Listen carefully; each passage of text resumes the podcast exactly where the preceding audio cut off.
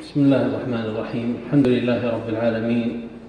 صلى الله وسلم وبارك على عبده ورسوله نبينا محمد وعلى آله وأصحابه وأتباعه بإحسان إلى يوم الدين وسلم تسليما كثيرا. أما بعد فأسأل الله جل وعلا أن يجعل هذا الاجتماع خالصا لوجهه الكريم وان يبارك فيما نقول وفيما نسمع. أيها الإخوة كلمة يسيرة قصيرة نذكر فيها معالم لعل فيها إن شاء الله نفعا لنا فيما يتعلق بعملنا الدعوي وعملنا التربوي. ألا وإن كلامنا وألا وإن كلامنا يدور حول دعوة الشيخ محمد بن عبد الوهاب رحمه الله تعالى.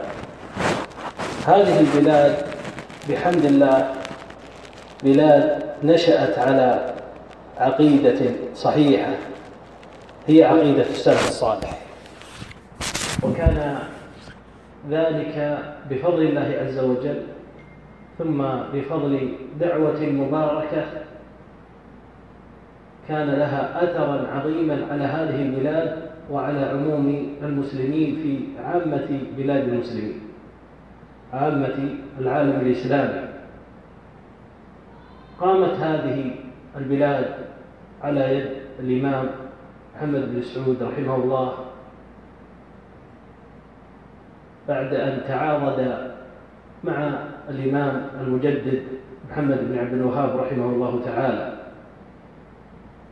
وتعاون وتعاقد على الدعوة إلى التوحيد والتحذير من الشرك وإقامة شعائر الإسلام وللإمام السمع والطاعة في غير معصية الله. فأعز الله عز وجل هذه الدولة السعودية الأولى ونصرها الله عز وجل وأخضع لها من أخضع من القبائل والناس حتى علم أعداء هذه الدعوة خطر هذه الدعوة على مصالحهم الدينية وأيضا عقائدهم الباطلة. فسعوا بجهدهم وبكل ما يستطيعون لصد هذه الدعوة وتنفيذ الناس منها. وكان هذا السعي من طرق. فمن هذه الطرق التشويه من الكذب وإثارة الضغائن الناس على هذه الدعوة بأنها دعوة تكفيرية وأيضا بأنها دعوة تقوم على صد الناس عن الرسول عليه الصلاة والسلام وبغضه وغير ذلك من الأكاذيب التي لا تخفى عليكم. وأيضا من الطرق التي وجهت بها هذه الدعوة الحرب والقتال. ولهذا وقعت معارك كثيرة بين المناوئين لهذه الدعوة وبين أئمة هذه البلاد الإمام محمد بن سعود ومن تلاه من حكام هذه البلاد. فلم يكل ولم يمل أهل الباطل من المشركين ومن حالفهم حربا على هذه الدعوة المباركة دعوة الشيخ محمد بن عبد الوهاب حتى قاموا بالقتال المباشر للدولة السعودية الأولى كما لا يخفى عليكم وقاموا بإسقاطها وقتل من قتل من وقتل من قتل من العلماء والأئمة والمصلحين وحرق مكتبات المكتبات العلمية. وهذا مدون في التاريخ وليس الكلام عليه. لكن السؤال لماذا كل هذا الحرب لهذه الدعوة؟ وهل لا زال الحرب والجهد كبيرا في الصد عن هذه الدعوة المباركة؟ أم أن ثمة تحول آخر عند عند أعداء دعوة الشيخ رحمه الله تعالى؟ هذه الدعوة سبب أدائها أنها دعوة قامت على دعوة رسول الله صلى الله عليه وسلم فهي جاءت إلى بتنقية الإسلام الصحيح في نفوس الناس وإعادتهم إلى الإسلام النقي تنقية ما شاب الإسلام الصحيح من شوائب الشرك والبدع والاعتقادات الباطلة ورد الناس الإسلام النقي الصافي الذي جاء به رسول الله صلى الله عليه وسلم. فقامت ابتداء على الدعوة إلى التوحيد. ألف الشيخ رحمه الله وكتب وراسل في بيان التوحيد وبيان ضده وألف في ذلك مؤلفات منها كتاب التوحيد والقواعد الأربع وكشف الشبهات وغيرها من الكتب وأيضا راسل في المراسلات وبين عقيدته لخصومه ولمن اشتبه عليه الأمر. فبين التوحيد ووضحه وبين رحمه الله تعالى أن هذا التوحيد هو أوضح ما يكون في كتاب الله عز وجل. بل إن هذا التوحيد وهو توحيد العبادة الذي وقع فيه الخلاف بين الرسل وأقوامهم وأيضا وقع في هذه البلاد في وقت دعوته رحمه الله وقع فيها خلل في هذه المسألة ولهذا ركز ركزت دعوته على هذا الأصل. فبين رحمه الله أن هذا الأصل واضح في كتاب الله عز وجل مبين يفهمه العام البليد. كل هذا ليبين أن كتاب الله عز وجل وأن سنة رسول الله صلى الله عليه وسلم إنما التوحيد فيها واضح جلي لا عذر فيه لمن قصر أو خالف. إنما إنما الرسل عليهم البلاغ وهكذا أتباع الرسل وأئمة الدعوة منهم الشيخ محمد الوهاب رحمه الله ومن تبعهم كلهم إنما يوضحون ويبينون وتقوم ببلاغهم وببيانهم آه، ويقوم بهم قطاع العذر عمن خالط عمله شيء من الشرك. ثم أيضا قامت دعوته على ركيزة أخرى. وهي الدعوة إلى الاجتماع والتحذير من التفرق. وهذا يقض أعداء يقض مضاجع الأعداء لأن أعداء الإسلام يهمهم أن يتفرق المسلمون وأن يظلوا متنازلين ومتفرقين وتعمهم الفوضى. فإذا اجتمع المسلمون على توحيد وسنة واعتقاد صحيح فهذا لا شك أنه يضد أنه أنه يقلقه. ولهذا كانت دعوته قائمة على الاجتماع والتحذير من التفرق. وبين هذا في رسائله وكتبه. وأيضا مما قامت عليه دعوته وأن بين أن من تمام الاجتماع السمع والطاعة لولاة الأمر في غير معصية الله.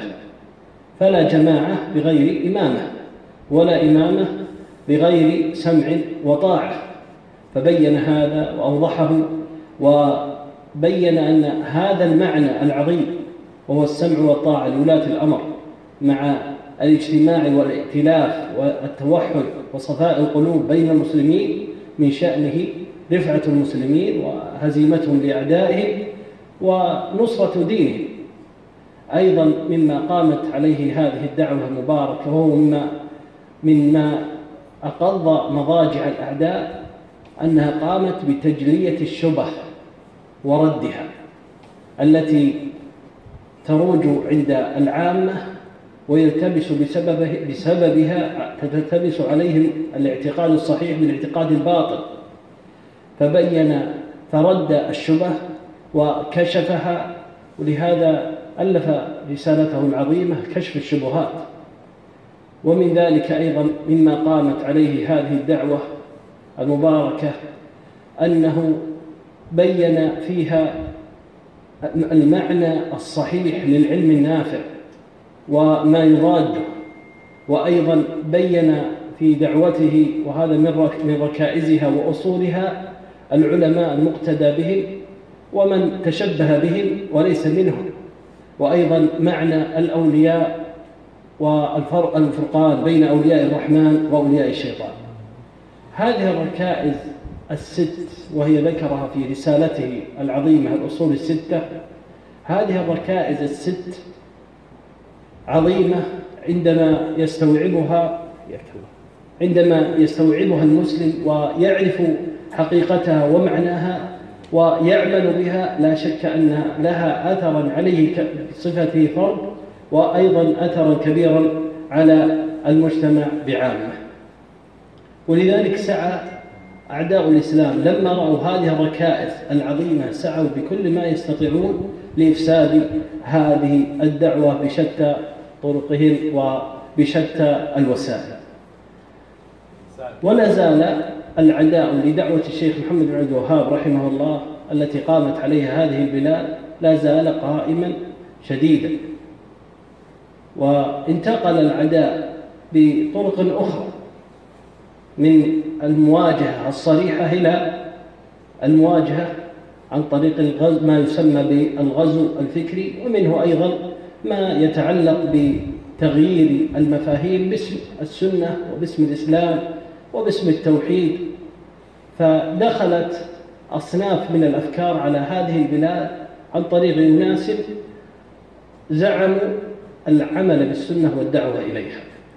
وهذا صنف ونوع ولون من ألوان مباشر المواجهة لهذه الدعوة المباركة. والواجب على المسلم لا سيما في هذه البلاد التي قامت على هذه الدعوة المباركة وكانت سببا عظيما من أسباب وحدتها واجتماع كلمتها وسببا من أسباب ائتلاف قبائلها. أن يحرصوا كل الحرص على بقاء هذه الدعوة التي هي دعوة الرسل وهي دعوة الرسول صلى الله عليه وسلم. وهي دعوة السلف الصالح أن أن يحرصوا على بقائها قوية ويكافحوا بكل ما استطاعوا ما يزعزع تمسك الناس بهذه بهذه بهذه العقيدة السلفية الصحيحة التي دعا إليها الشيخ رحمه الله. قام أعداء الإسلام بنشر مبادئ هدامة باسم الأمر بالمعروف والنهي عن المنكر والغيرة على الدين فحرفوا معنى الأمر بالمعروف والنهي عن المنكر والنصيحة للإمام والسلطان فأدخلوا فيه معاني باطلة وزعموا نسبتها لدعوة الشيخ رحمه الله. ومنهم من غلا بباب الجهاد وقتال المرتدين والمشركين وزعم نسبتها لدعوة الشيخ محمد بن عبد الوهاب رحمه الله. ومنهم من غلا في باب التكفير فكفر المسلمين بغير حق وزعم نسبتها لدعوة الشيخ محمد بن عبد الوهاب رحمه الله. ومنهم من جفى ووقع في الإرجاء وغلا في إعلان المشركين وعباد القبور والإعلان للمرتدين والزنادقة. ونسب ذلك للشيخ محمد بن عبد الوهاب ودعوة الشيخ محمد بن عبد الوهاب. هذا أيها الإخوة كله من صنوف تحريف هذه الدعوة. والصواب أن على المسلم أن يحرص أن يعرف حقيقة ما جاءت به هذه الدعوة. لأن هذه الدعوة ما جاءت بشيء جديد. إنما جاءت بما جاء به الرسول صلى الله عليه وسلم وبما كان عليه الصحابة رضي الله عنهم وبما سار عليه السلف الصالح. وهو منهج الوسطية والاعتدال وهو منهج السلف. المنهج الوسط في باب التكفير والمنهج الوسط في باب الإيمان والمنهج الوسط في باب الجهاد والمنهج الوسط في باب الأمر بالمعروف والنهي عن المنكر والمنهج الوسط في باب التعامل مع المخالف. من أهل البدع والمنافقين والمنتسبين للإسلام. لا يجوز أيها الإخوة أن ينسب لهذه الدعوة ما ليس منها ولا يجوز لأحد أن يقلد أحدا في هذه النسبة لا سيما طالب العلم عليه أن يتحقق والبيوت تؤتى من أبوابها. فإذا أشكل على أحد مسألة من المسائل في صحة نسبتها لهذه الدعوة عليه أن يذهب إلى العلماء المحققين الذين عرفوا بالتحقيق في معرفة منهج هذه الدعوة المباركة. الأحياء منهم والأموات. وقد ألفت مؤلفات تبين حقيقة هذه الدعوة ومنهجها في الاعتقاد في هذه الأبواب المتقدم ذكرها وغيرها.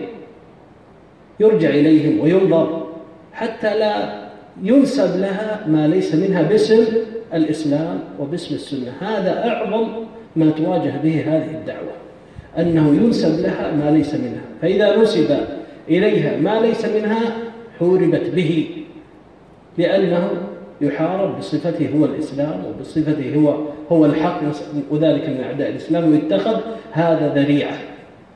فحوربت هذه الدعوة بالمواجهة بالقتال وحوربت بالتشويه وحوربت بالنسبة بنسبة شيء ليس منها إليها كما تقدم.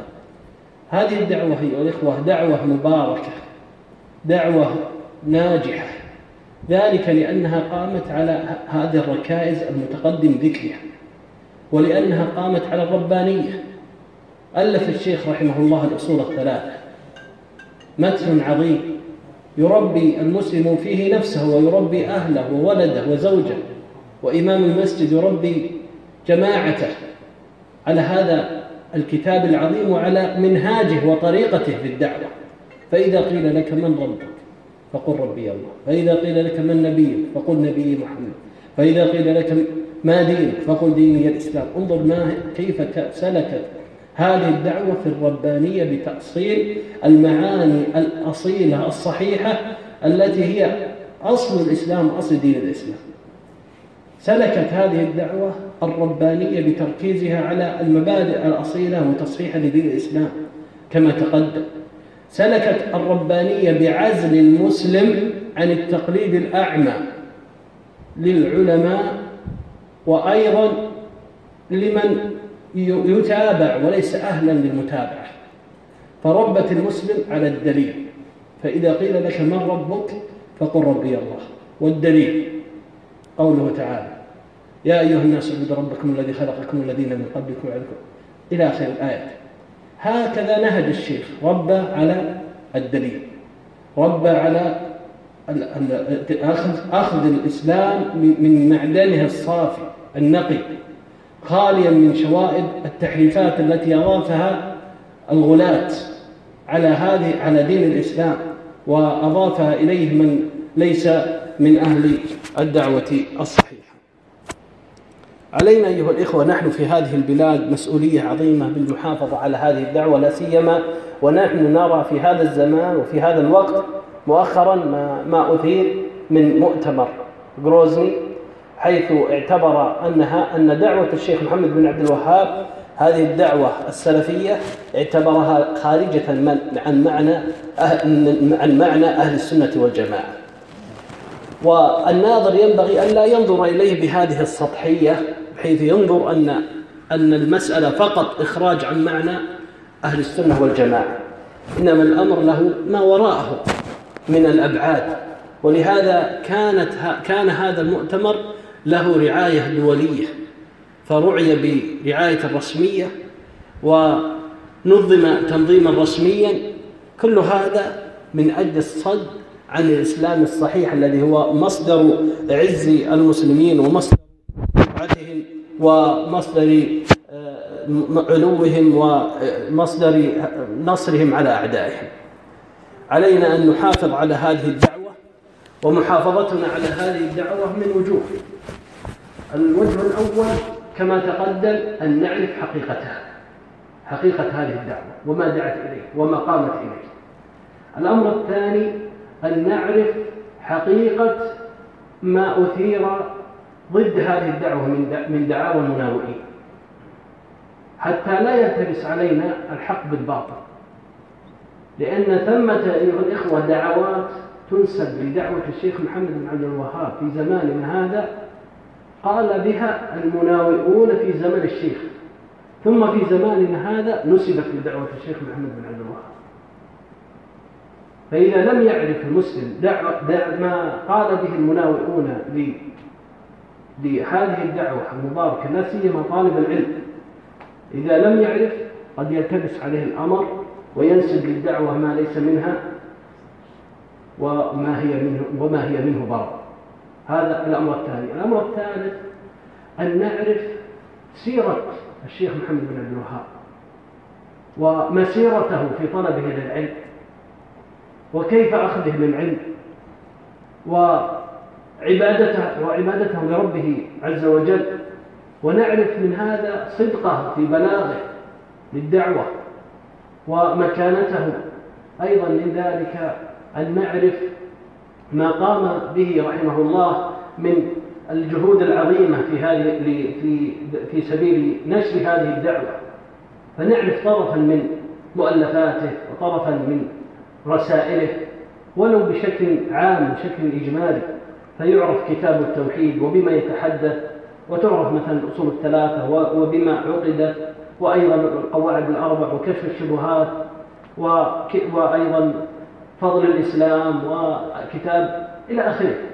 هذا الأمر التالي الأمر الرابع تعرف أن من من حقيقة هذه الدعوة ما قامت عليه من الشمولية أنها لم تركز على باب من أبواب الاعتقاد دون باب بل هي في العقيدة وفي السلوك وفي الحديث والسنة وأيضا في الآداب وفي الفضائل وفي السيرة. ألف الشيخ رحمه الله وعلى هذا صار تلاميذه ألفوا, ألفوا في جميع هذه الأبواب. فيعرف أن هذه الدعوة ليست دعوة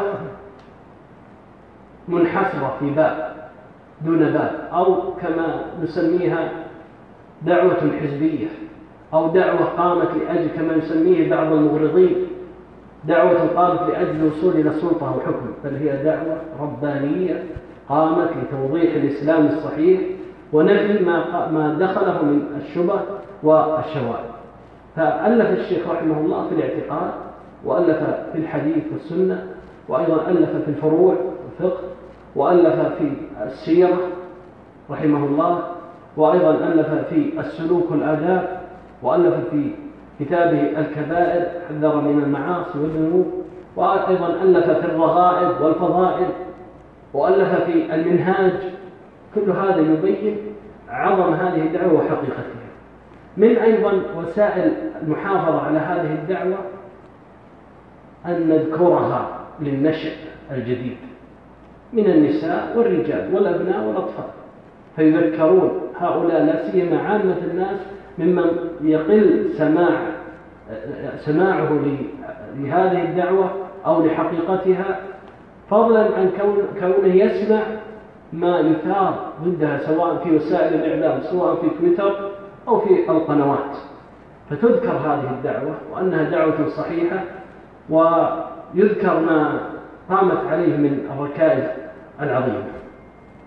أيضا من وسائل حفظ هذه الدعوة أن أن نقصي ما زاحمها من الدعوات الباطلة. لا نمكن لها ولا ندعها تنتشر ولا ندع لها مجال. عامة الدعوات القديمة والمعاصرة سواء كانت الدعوات كالصوفية وما تابعها كدعوة التبليغ وما يسمون بالأحباب أو كانت دعوات سياسية كدعوة الإخوان المسلمين أو كانت دعوات إرجائية التي دخلت على فئام من مجتمعنا ابتداء من كتاب الصحف والمقالات وكتاب الكتاب المعاصرين ممن لا ينتسب للعلم ودخلهم الأفكار الإرجائية أو كان من طلاب العلم ممن دخله هذا الفكر الفاسد ونسبه لدعوة الشيخ محمد بن عبد الوهاب. لا بد من إقصاء هذه الدعوات. إقصائها بنشر الدعوة الصحيحة بالعلم النافع. ونشر هذا الاعتقاد السليم بهذه الدعوة المباركة. بهذا أيها الأخوة نحافظ على ركيزة من ركائز ثبات هذا المجتمع وقوة تماسكه. لهذا لأن هذا المجتمع لم يقل إلا أن التي هي دين الإسلام. فإذا دخلت الدعوات الوافدة حدث فيه التفرق وحدث فيه التحزب ودخلته الضغينة وانعزل وانقسم المجتمع على نفسه لأنه انعزل عن دعوته الأصلية فثمة دعوات وافدة ودعوة ودعوة أصيلة فالدعوات الوافدة كما تقدم دعوة الإخوان دعوة التبليغ دعوة الإرجاء وأيضا أما الدعوة الأصيلة فهي دعوة السلف التي هي دعوة الشيخ محمد بن عبد الوهاب التي امتداد لما جاء به رسول الله صلى الله عليه وسلم وما قام به السلف الصالح من وسائل المحافظة على هذه الدعوة المباركة أن طالب العلم يعتني بتدريس المتون التي ألفها الشيخ رحمه الله. وأيضا تدريس المتون وقراءة الشروح وإقرائها التي ألفها تلاميذ الشيخ رحمه الله ممن هم من أئمة الدعوة.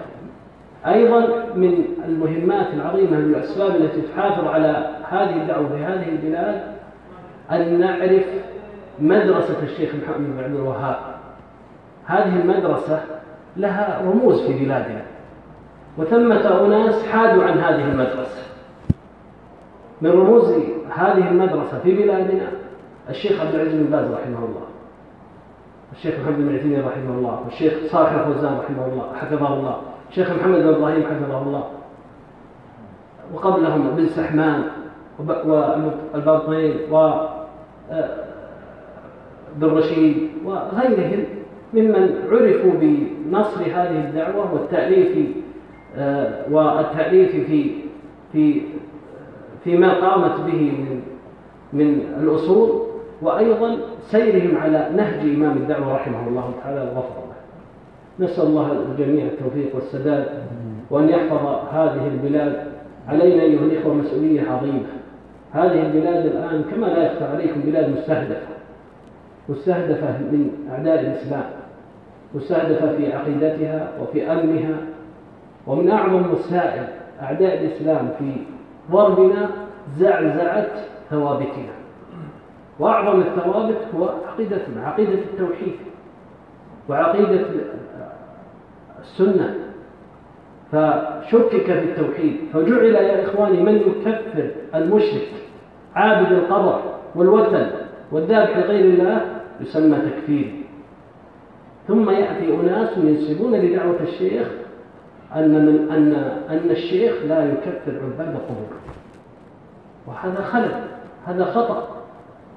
فإن الشيخ بين وأوضح في كلام كثير له أن أن أنه لا يكفر على طريقة الخوارج وإنما يكفر من كفره الله عز وجل ورسوله صلى الله عليه وسلم. والمشرك كافر بنص كتاب الله عز وجل وبنص سنة رسول الله صلى الله عليه وسلم وبإجماع أهل العلم.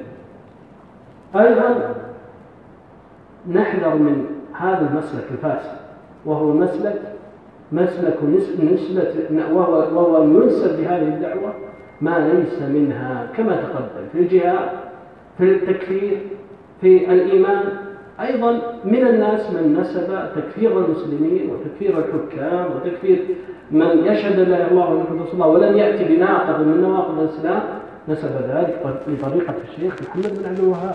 كما تفعل تنظيم داعش تنظيم القاعدة ومن يسمون بالتكفير والهجرة والتوقف والتبين كل هؤلاء ينسبون طريقتهم لدعوة الشيخ محمد بن عبد الوهاب. والواجب علينا أيها الإخوة أن نحذر كل الحذر من هذه المناهج التي تزاحم الدعوة الأصيلة. ثمة دعوة أصيلة ودعوات دخيلة دعوة أصيلة ودعوات وافدة.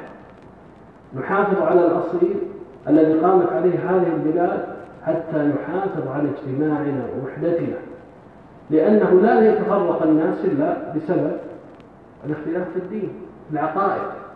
فإذا اختلفوا في عقيدتهم اختلفت اختلفت ألسنتهم واختلفت أيديهم وتقاتل. ونحن الحمد لله في هذه البلاد مجتمعون قبائل شتى وكأنها قبيلة واحدة وأسر شتى وكأنها أسرة واحدة تحت راية واحدة.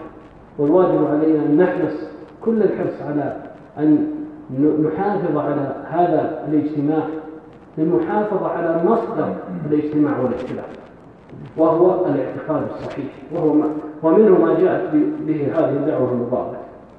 الاعتقاد الصحيح هو هو سبب الاجتماع والاختلاف قال الله عز وجل واعتصموا بحبل الله جميعا ولا تفرقوا. فإذا ترك الاعتصام بحبل الله وهو السنة وهو الاعتقاد حل التفرق وحلت الضغينة. وحلت الأحقاد. قال الله عز وجل أن أقيموا الدين ولا تتفرقوا فيه. فترك الاعتقاد الصحيح سبب للتفرق والاختلاف وأن هذا صراطي مستقيما فاتبعوه ولا تتبعوا السبل فتفرق بكم عن سبيله. فترك اتباع الحق والاعتقاد الصحيح والاعتقاد السليم سبب لتفرق الكلمة واختلاف الصف وحلول الضغينة. ونحن بين أيدينا دعوة واضحة صريحة. يا إخوان أبنائنا كلنا ندرس من وإحنا بأولى ابتدائي. ويدرسون كتب الشيخ محمد بن عبد الوهاب. الأصول الثلاثة. ثم كتاب التوحيد في المتوسط. ثم في الثانوي في المدارس الإعداد العام كتاب التوحيد للشيخ صالح الفوزان كلها هذه مدرسة الشيخ محمد بن عبد الوهاب.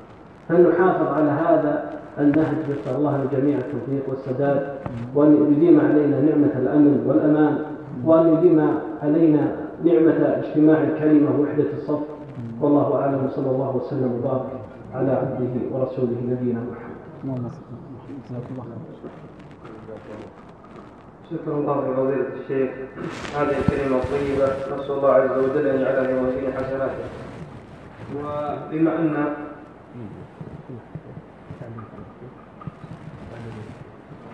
أستأذنكم يا إخواني في مسألة مهمة بعد رأي الشيخ مبارك التفرق في الدين سببه كما تقدم هو ترك الحق. من يأمر بلزوم الحق ويرد على المبطل هذا يدعو إلى الاجتماع ولا ولا يفرق. نعم قد يتفرق أناس يتركون الحق فهؤلاء تفرقوا لأن الحق فرقان. بين لأن الإسلام والإيمان والقرآن والسنة والحق فرقان بين أهل الحق وأهل الباطل. فقد يقول قائل لمحق رد باطلا اسكت لا تفرق جمعنا. نقول أنت الذي تفرق. الذي يدعو إلى السكوت عن الباطل هو الذي يفرق. أما من يدعو إلى لزوم الحق وترك الباطل فهو يرد إلى يرد إلى الأصل. وهو ما به الاجتماع ما به الوحدة وهو السنة وهو الحق. أما ترك الناس على ما هم عليه من الشبهات ومن الباطل بزعم عدم التفرق فهذا من أعظم أسباب التفرق. قال الله عز وجل كان الناس أمة واحدة. فبعث فبعث الله فبعث النبيين مبشرين ومنذرين. كان أمة واحدة على التوحيد. ثم حدث الاختلاف والتفرق. بالشرك وحدوث التغيير لدعوة الرسل فجاء الرسل لماذا؟ لردهم إلى الأصل وهو التوحيد وهو الحق الذي به الذي به ردهم إلى اجتماعهم ووحدتهم فلا يجوز لأحد أن يلوم صاحب سنة رد باطلا وكشف شبهة ويقال هذا يفرق هذا يشكر ويدعى له بالخير ما دام سالكا مسالك أهل العلم ومسالك أهل الفضل ومسالك أهل السنة ومسالك أهل الحكمة. هذا يدعى له لأنه قام يا إخواني بفرض على طلاب العلم. لا يسقط إلا بقيام بعضهم به وهو من فروض الأعيان وهو من فروض الكفايات وهو رد الباطل وبيان الحق. ورد صولة الصائلين والمبطلين أنواع كما تقدم. المبطلين الذين شوهوا هذه الدعوة أنواع كما تقدم. الإخوان المسلمين التكفيري من داعش والقاعدة ومن شابههم وجماعة التبليغ ومن هو في مقابل أولئك ممن دخلته شبهة المرجئة الذين يقولون أن العمل ليس من الإيمان وأن الإيمان اعتقاد في القلب دون العمل وهم أصناف. ومنهم من يقول الإيمان قول وعمل واعتقاد ولكنه يحصر الكفر وتكفير فاعل فاعل الكفر بقصد الكفر والرغبة عن الإسلام. فيؤول قوله إلى إلى أن الكافر لا يكفر إلا بالجحود.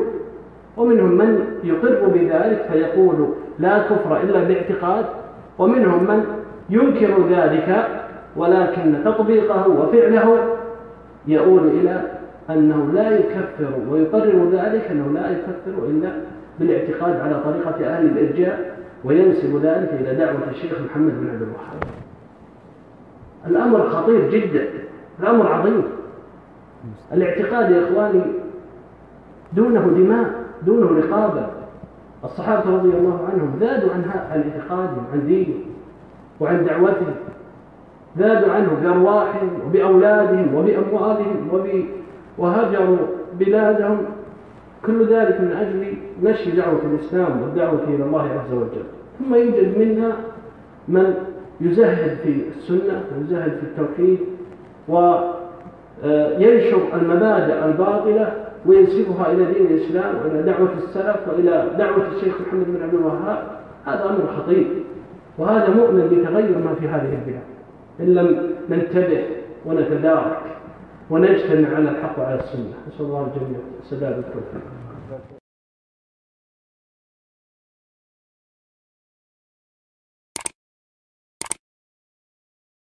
بسم الله الرحمن الرحيم. الحمد لله رب العالمين. صلى الله وسلم وبارك على عبده ورسوله نبينا محمد وعلى آله وأصحابه وأتباعه بإحسان إلى يوم الدين وسلم تسليما كثيرا. أما بعد فأسأل الله جل وعلا أن يجعل هذا الاجتماع خالصا لوجهه الكريم وأن يبارك فيما نقول وفيما نسمع. أيها الإخوة كلمة يسيرة قصيرة نذكر فيها معالم لعل فيها إن شاء الله نفعا لنا فيما يتعلق بعملنا الدعوي وعملنا التربوي. ألا وإن كلامنا وألا وإن كلامنا يدور حول دعوة الشيخ محمد بن عبد الوهاب رحمه الله تعالى. هذه البلاد بحمد الله بلاد نشأت على عقيدة صحيحة. هي عقيدة السلف الصالح. وكان ذلك بفضل الله عز وجل ثم بفضل دعوة مباركة كان لها أثرا عظيما على هذه البلاد وعلى عموم المسلمين في عامة بلاد المسلمين عامة العالم الإسلامي. قامت هذه البلاد على يد الإمام محمد بن سعود رحمه الله. بعد أن تعاضد مع الإمام المجدد محمد بن عبد الوهاب رحمه الله تعالى وتعاون وتعاقد على الدعوة إلى التوحيد والتحذير من الشرك وإقامة شعائر الإسلام وللإمام السمع والطاعة في غير معصية الله. فأعز الله عز وجل هذه الدولة السعودية الأولى ونصرها الله عز وجل وأخضع لها من أخضع من القبائل والناس. حتى علم أعداء هذه الدعوة خطر هذه الدعوة على مصالحهم الدينية وأيضا عقائدهم الباطلة فسعوا بجهدهم وبكل ما يستطيعون لصد هذه الدعوة وتنفيذ الناس منها. وكان هذا السعي من طرق فمن هذه الطرق التشويه من الكذب وإثارة الضغائن الناس على هذه الدعوة لأنها دعوة تكفيرية وأيضا بأنها دعوة تقوم على صد الناس عن الرسول عليه الصلاة والسلام وبغضه وغير ذلك من الأكاذيب التي لا تخفى عليكم. وأيضا من الطرق التي وجهت بها هذه الدعوة الحق والقتال ولهذا وقعت معارك كثيرة بين المناوئين لهذه الدعوة وبين أئمة هذه البلاد الإمام محمد بن سعود ومن تلاه من حكام هذه البلاد. فلم يكل ولم يمل أهل الباطل من المشركين ومن حالفهم حربا على هذه الدعوة المباركة دعوة الشيخ محمد بن عبد الوهاب حتى قاموا بالقتال المباشر للدولة السعودية الأولى كما لا يخفى عليكم. وقاموا بإسقاطها. وقتل من قتل من وقتل من قتل من العلماء والأئمة والمصلحين وحرق مكتبات المكتبات العلمية. وهذا مدون في التاريخ وليس الكلام عليه. لكن السؤال لماذا كل هذا الحرب لهذه الدعوة؟ وهل لا زال الحرب والجهد كبيرا في الصد عن هذه الدعوة المباركة أم أن ثمة تحول آخر عند عند أعداء دعوة الشيخ رحمه الله تعالى. هذه الدعوة سبب أدائها أنها دعوة قامت على دعوة رسول الله صلى الله عليه وسلم فهي جاءت إلى لتنقية الإسلام الصحيح في نفوس الناس وإعادتهم إلى الإسلام النقي. تنقية ما شاب الإسلام الصحيح من شوائب الشرك والبدع والاعتقادات الباطلة ورد الناس الإسلام النقي الصافي الذي جاء به رسول الله صلى الله عليه وسلم. فقامت ابتداء على الدعوة إلى التوحيد. ألف الشيخ رحمه الله وكتب وراسل في بيان التوحيد وبيان ضده وألف في ذلك مؤلفات منها كتاب التوحيد والقواعد الأربع وكشف الشبهات وغيرها من الكتب وأيضا راسل في المراسلات وبين عقيدته لخصومه ولمن اشتبه عليه الأمر فبين التوحيد ووضحه وبين رحمه الله تعالى أن هذا التوحيد هو أوضح ما يكون في كتاب الله عز وجل بل إن هذا التوحيد وهو توحيد العبادة الذي وقع فيه الخلاف بين الرسل وأقوامهم وأيضا وقع في هذه البلاد في وقت دعوته رحمه الله وقع فيها خلل في هذه المسألة ولهذا ركز ركزت دعوته على هذا الأصل. فبين رحمه الله أن هذا الأصل واضح في كتاب الله عز وجل مبين يفهمه العام البليد.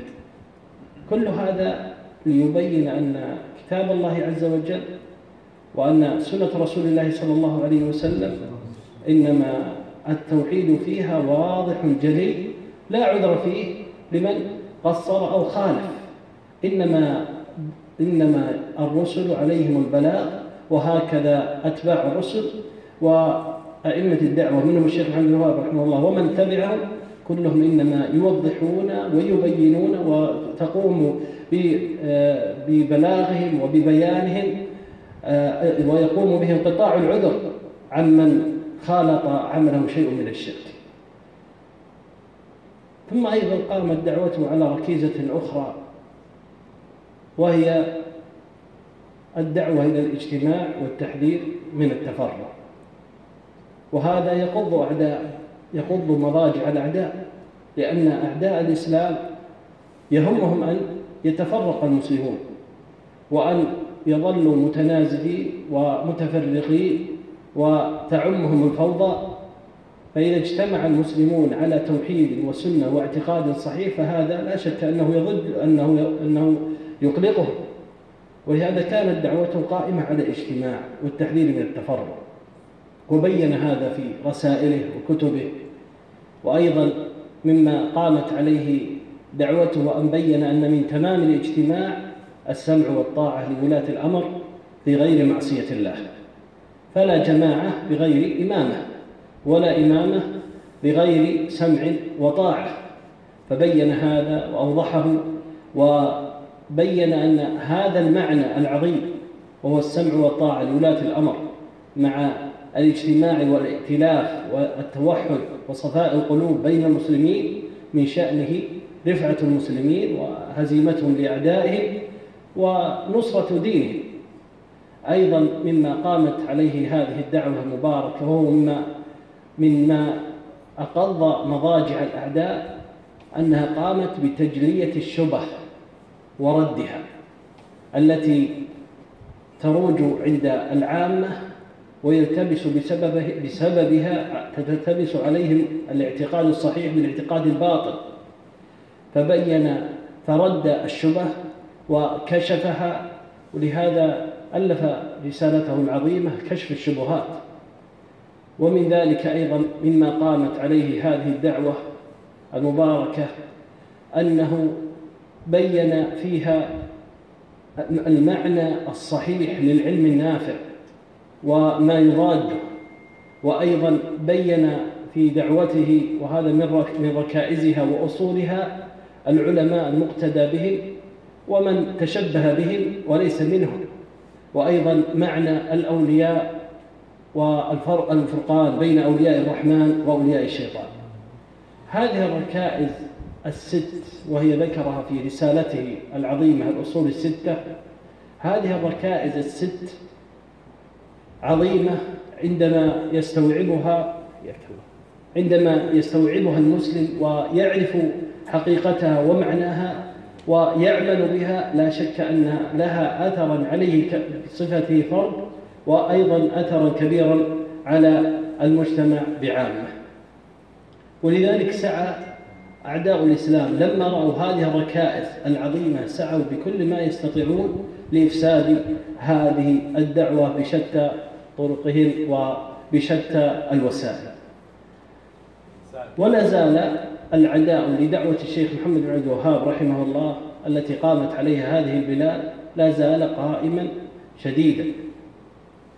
وانتقل العداء بطرق أخرى من المواجهة الصريحة إلى المواجهة عن طريق الغزو ما يسمى بالغزو الفكري ومنه أيضا ما يتعلق بتغيير المفاهيم باسم السنة وباسم الإسلام وباسم التوحيد فدخلت أصناف من الأفكار على هذه البلاد عن طريق يناسب زعموا العمل بالسنة والدعوة إليها.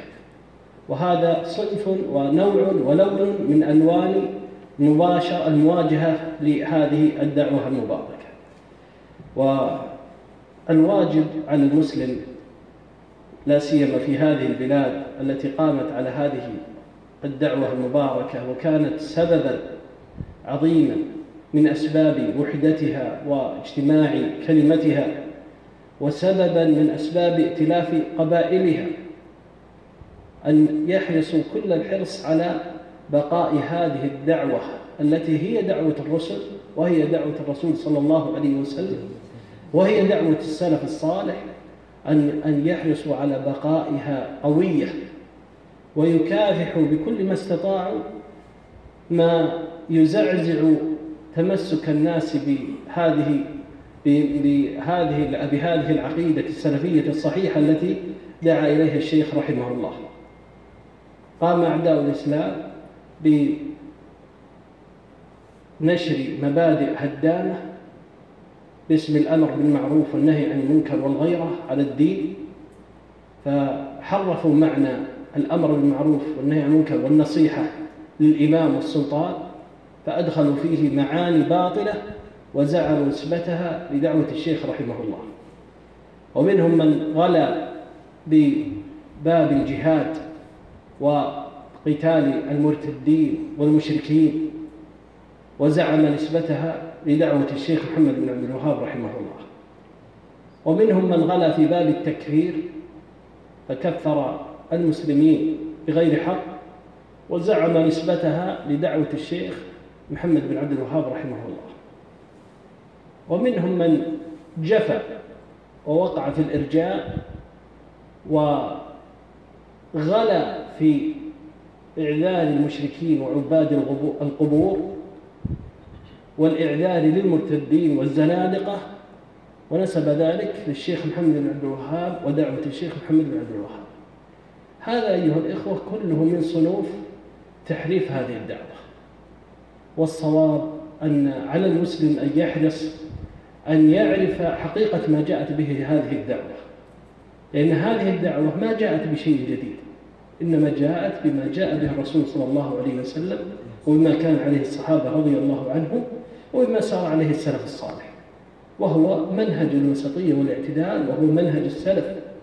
المنهج الوسط في باب التكفير والمنهج الوسط في باب الإيمان والمنهج الوسط في باب الجهاد والمنهج الوسط في باب الأمر بالمعروف والنهي عن المنكر والمنهج الوسط في باب التعامل مع المخالف من أهل البدع والمنافقين والمنتسبين للإسلام. لا يجوز أيها الإخوة أن ينسب لهذه الدعوة ما ليس منها. ولا يجوز لأحد أن يقلد أحدا في هذه النسبة لا سيما طالب العلم عليه أن يتحقق والبيوت تؤتى من أبوابها. فإذا أشكل على أحد مسألة من المسائل في صحة نسبتها لهذه الدعوة عليه أن يذهب إلى العلماء المحققين. الذين عرفوا بالتحقيق في معرفة منهج هذه الدعوة المباركة. الأحياء منهم والأموات. وقد ألفت مؤلفات تبين حقيقة هذه الدعوة ومنهجها في الاعتقاد في هذه الأبواب المتقدم ذكرها وغيرها. يرجع إليهم وينظر حتى لا ينسب لها ما ليس منها باسم الإسلام وباسم السنة. هذا أعظم ما تواجه به هذه الدعوة أنه ينسب لها ما ليس منها فإذا نسب إليها ما ليس منها حوربت به لأنه يحارب بصفته هو الإسلام وبصفته هو هو الحق وذلك من أعداء الإسلام ويتخذ هذا ذريعة. فحوربت هذه الدعوة بالمواجهة بالقتال وحوربت بالتشويه وحوربت بالنسبة بنسبة شيء ليس منها. إليها كما تقدم. هذه الدعوة أيها الإخوة دعوة مباركة دعوة ناجحة. ذلك لأنها قامت على هذه الركائز المتقدم ذكرها ولأنها قامت على الربانية. ألف الشيخ رحمه الله الأصول الثلاثة. متن عظيم. يربي المسلم فيه نفسه ويربي أهله وولده وزوجه. وإمام المسجد يربي جماعته. على هذا الكتاب العظيم وعلى منهاجه وطريقته في الدعوة. فإذا قيل لك من ربك فقل ربي الله. فإذا قيل لك من نبيك فقل نبي محمد.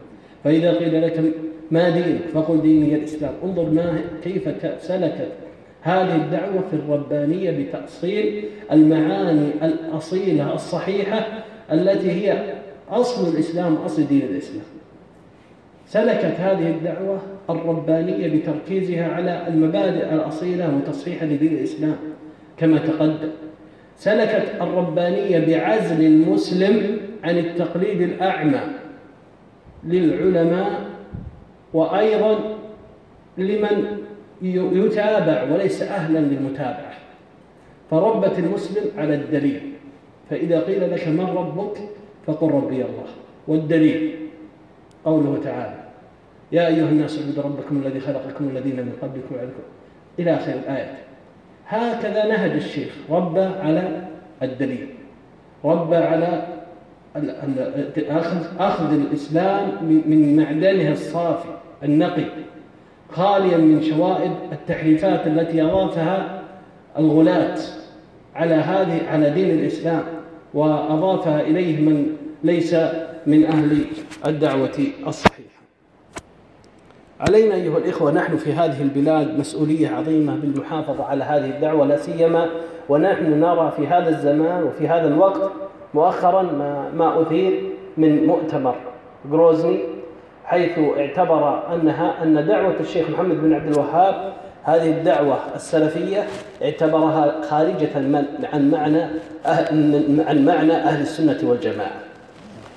والناظر ينبغي أن لا ينظر إليه بهذه السطحية بحيث ينظر أن أن المسألة فقط إخراج عن معنى أهل السنة والجماعة. إنما الأمر له ما وراءه من الأبعاد. ولهذا كانت كان هذا المؤتمر له رعاية دولية. فرعي برعاية رسمية ونظم تنظيما رسميا. كل هذا من أجل الصد عن الإسلام الصحيح الذي هو مصدر عز المسلمين ومصدر رفعتهم ومصدر آه، علوهم ومصدر نصرهم على أعدائهم. علينا أن نحافظ على هذه الدعوة ومحافظتنا على هذه الدعوة من وجوه. الوجه الأول كما تقدم أن نعرف حقيقتها حقيقة هذه الدعوة وما دعت إليه وما قامت إليه. الأمر الثاني أن نعرف حقيقة ما أثير ضد هذه الدعوة من دعاوى المناوئين. حتى لا يلتبس علينا الحق بالباطل. لأن ثمة أيها الإخوة دعوات تنسب لدعوة الشيخ محمد بن عبد الوهاب في زماننا هذا قال بها المناوئون في زمن الشيخ. ثم في زماننا هذا نسبت لدعوة الشيخ محمد بن عبد الوهاب. فإذا لم يعرف المسلم دع ما قال به المناوئون لهذه الدعوة المباركة لا سيما طالب العلم إذا لم يعرف قد يلتبس عليه الأمر وينسب للدعوة ما ليس منها وما هي منه وما هي منه ضرر هذا الأمر الثاني. الأمر الثالث أن نعرف سيرة الشيخ محمد بن عبد الوهاب ومسيرته في طلبه للعلم. وكيف أخذه للعلم وعبادته وعبادته لربه عز وجل. ونعرف من هذا صدقه في بلاغه للدعوة ومكانته. أيضا من ذلك أن نعرف ما قام به رحمه الله من الجهود العظيمة في هذه في في سبيل نشر هذه الدعوة. فنعرف طرفا من مؤلفاته وطرفا من رسائله ولو بشكل عام بشكل إجمالي فيعرف كتاب التوحيد وبما يتحدث وتعرف مثلا الأصول الثلاثة وبما عقدت وأيضا القواعد الأربع وكشف الشبهات وأيضا فضل الإسلام وكتاب إلى آخره. هذا الأمر الثالث الأمر الرابع تعرف أن من من حقيقة هذه الدعوة ما قامت عليه من الشمولية. أنها لم تركز على باب من أبواب الاعتقاد دون باب بل هي في العقيدة وفي السلوك وفي الحديث والسنة وأيضا في الآداب وفي الفضائل وفي السيرة. ألف الشيخ رحمه الله وعلى هذا صار تلاميذه ألفوا, ألفوا في جميع هذه الأبواب. فيعرف أن هذه الدعوة ليست دعوة منحصرة في باب. دون باب أو كما نسميها دعوة حزبية أو دعوة قامت لأجل كما يسميه بعض المغرضين دعوة قامت لأجل الوصول إلى سلطة وحكم بل هي دعوة ربانية قامت لتوضيح الإسلام الصحيح ونفي ما ما دخله من الشبه والشوائب. فألف الشيخ رحمه الله في الاعتقاد وألف في الحديث والسنة وأيضا ألف في الفروع والفقه وألف في السيرة رحمه الله وأيضا ألف في السلوك والآداب وألف في كتابه الكبائر حذر من المعاصي والذنوب وأيضا ألف في الرغائب والفضائل وألف في المنهاج. كل هذا يبين عظم هذه الدعوة وحقيقتها. من أيضا وسائل المحافظة على هذه الدعوة أن نذكرها للنشء الجديد. من النساء والرجال والأبناء والأطفال. فيذكرون هؤلاء لا سيما عامة الناس ممن يقل سماع سماعه لهذه الدعوة أو لحقيقتها فضلا عن كونه يسمع ما يثار ضدها سواء في وسائل الإعلام سواء في تويتر أو في القنوات. فتذكر هذه الدعوة وأنها دعوة صحيحة ويذكر ما قامت عليه من الركائز العظيمة أيضا من وسائل حفظ هذه الدعوة أن أن نقصي ما زاحمها من الدعوات الباطلة. لا نمكن لها ولا ندعها تنتشر ولا ندع لها مجال.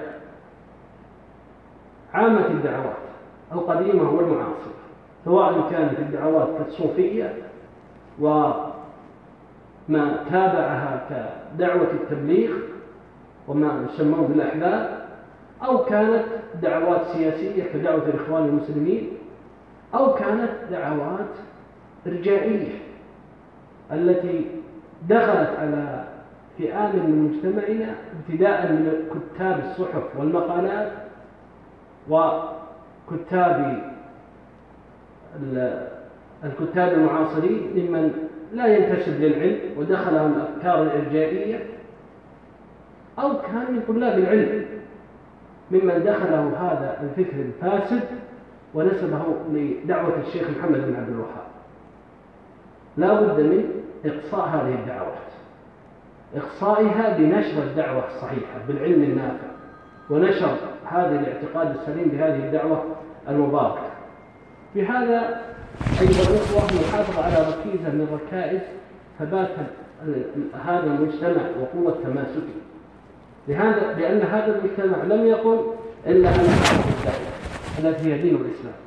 فإذا دخلت الدعوات الوافدة حدث فيه التفرق وحدث فيه التحزب ودخلته الضغينة وانعزل وانقسم المجتمع على نفسه لأنه انعزل عن دعوته الأصيلة. فتمت دعوات وافدة ودعوة ودعوة أصيلة فالدعوات الوافدة كما تقدم دعوة الإخوان دعوة التبليغ دعوة الإرجاء وأيضا أما الدعوة الأصيلة فهي دعوة السلف التي هي دعوة الشيخ محمد بن عبد الوهاب التي امتداد لما جاء به رسول الله صلى الله عليه وسلم وما قام به السلف الصالح من وسائل المحافظة على هذه الدعوة المباركة أن طالب العلم يعتني بتدريس المتون التي ألفها الشيخ رحمه الله. وأيضا تدريس المتون وقراءة الشروح وإقرائها التي ألفها تلاميذ الشيخ رحمه الله ممن هم من أئمة الدعوة. أيضا من المهمات العظيمة من الأسباب التي تحافظ على هذه الدعوة في هذه البلاد أن نعرف مدرسة الشيخ محمد بن عبد الوهاب. هذه المدرسة لها رموز في بلادنا. وثمة أناس حادوا عن هذه المدرسة. من رموز هذه المدرسة في بلادنا الشيخ عبد العزيز بن باز رحمه الله الشيخ محمد بن عثيمين رحمه الله والشيخ صالح الفوزان رحمه الله حفظه الله الشيخ محمد بن إبراهيم حفظه الله. وقبلهم بن سحمان والباطنين و آه، بن رشيد وغيرهم ممن عرفوا بنصر هذه الدعوة والتأليف والتأليف في في فيما قامت به من من الأصول وأيضا سيرهم على نهج إمام الدعوة رحمه الله تعالى وغفر له نسأل الله الجميع التوفيق والسداد وأن يحفظ هذه البلاد علينا أيها الإخوة مسؤولية عظيمة. هذه البلاد الآن كما لا يخفى عليكم بلاد مستهدفة مستهدفة من أعداء الإسلام مستهدفة في عقيدتها وفي أمنها ومن أعظم وسائل أعداء الإسلام في ضربنا زعزعة ثوابتنا. وأعظم الثوابت هو عقيدتنا عقيدة التوحيد وعقيدة السنة. فشكك في التوحيد فجعل يا إخواني من يكفر المشرك عابد القبر والوثن والذابح لغير الله يسمى تكفير. ثم يأتي أناس ينسبون لدعوة الشيخ أن من أن أن الشيخ لا يكفر عباد القبور وهذا خلل هذا خطأ. فإن الشيخ بين وأوضح في كلام كثير له أن أن أنه لا يكفر على طريقة الخوارج وإنما يكفر من كفره الله عز وجل ورسوله صلى الله عليه وسلم. والمشرك كافر بنص كتاب الله عز وجل وبنص سنة رسول الله صلى الله عليه وسلم وبإجماع أهل العلم. أيضا نحذر من هذا المسلك الفاسد وهو مسلك مسلك نسبة وهو, وهو ينسب لهذه الدعوة ما ليس منها كما تقدم في الجهاد في التكفير في الإيمان أيضا من الناس من نسب تكفير المسلمين وتكفير الحكام وتكفير من يشهد لا إله إلا الله رسول الله ولن يأتي بناقض من نواقض الإسلام نسب ذلك لطريقة الشيخ محمد بن عبد الوهاب. كما تفعل تنظيم داعش تنظيم القاعدة ومن يسمون بالتكفير والهجرة والتوقف والتبين كل هؤلاء ينسبون طريقتهم لدعوة الشيخ محمد بن عبد الوهاب. والواجب علينا أيها الإخوة أن نحذر كل الحذر من هذه المناهج التي تزاحم الدعوة الأصيلة. ثمة دعوة أصيلة ودعوات دخيلة. دعوة أصيلة ودعوات وافدة. نحافظ على الأصيل الذي قامت عليه هذه البلاد حتى نحافظ على اجتماعنا ووحدتنا. لأنه لا يتفرق الناس إلا بسبب الاختلاف في الدين العقائد.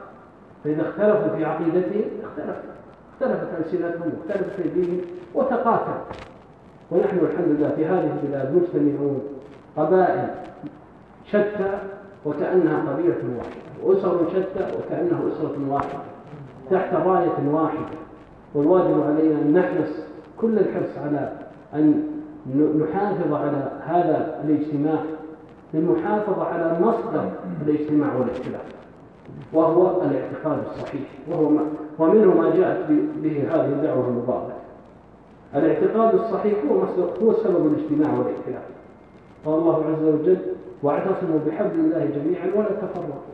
فإذا ترك الاعتصام بحبل الله وهو السنة وهو الاعتقاد حل التفرق وحلت الضغينة وحلت الأحقاد. قال الله عز وجل أن أقيموا الدين ولا تتفرقوا فيه. فترك الاعتقاد الصحيح سبب للتفرق والاختلاف وأن هذا صراطي مستقيما فاتبعوه ولا تتبعوا السبل فتفرق بكم عن سبيله. فترك اتباع الحق والاعتقاد الصحيح والاعتقاد السليم سبب لتفرق الكلمة واختلاف الصف وحلول الضغينة ونحن بين أيدينا دعوة واضحة صريحة. يا إخواني أبنائنا كلنا ندرس من إحنا أولى ابتدائي. ويدرسون كتب الشيخ محمد بن عبد الوهاب. الأصول الثلاثة ثم كتاب التوحيد في المتوسط ثم في الثانوي في المدارس العام الإعداد العام كتاب التوحيد للشيخ صالح الفوزان. كلها هذه مدرسة الشيخ محمد بن عبد الوهاب. فلنحافظ على هذا النهج نسأل الله للجميع التوفيق والسداد وأن يديم علينا نعمة الأمن والأمان. وأن يديم علينا نعمة اجتماع الكلمة ووحدة الصف. والله أعلم وصلى الله وسلم وبارك على عبده ورسوله نبينا محمد. شكر الله لفضيلة الشيخ. هذه الكلمة الطيبة نسأل الله عز وجل أن يجعلها في موازين حسناته. وبما أن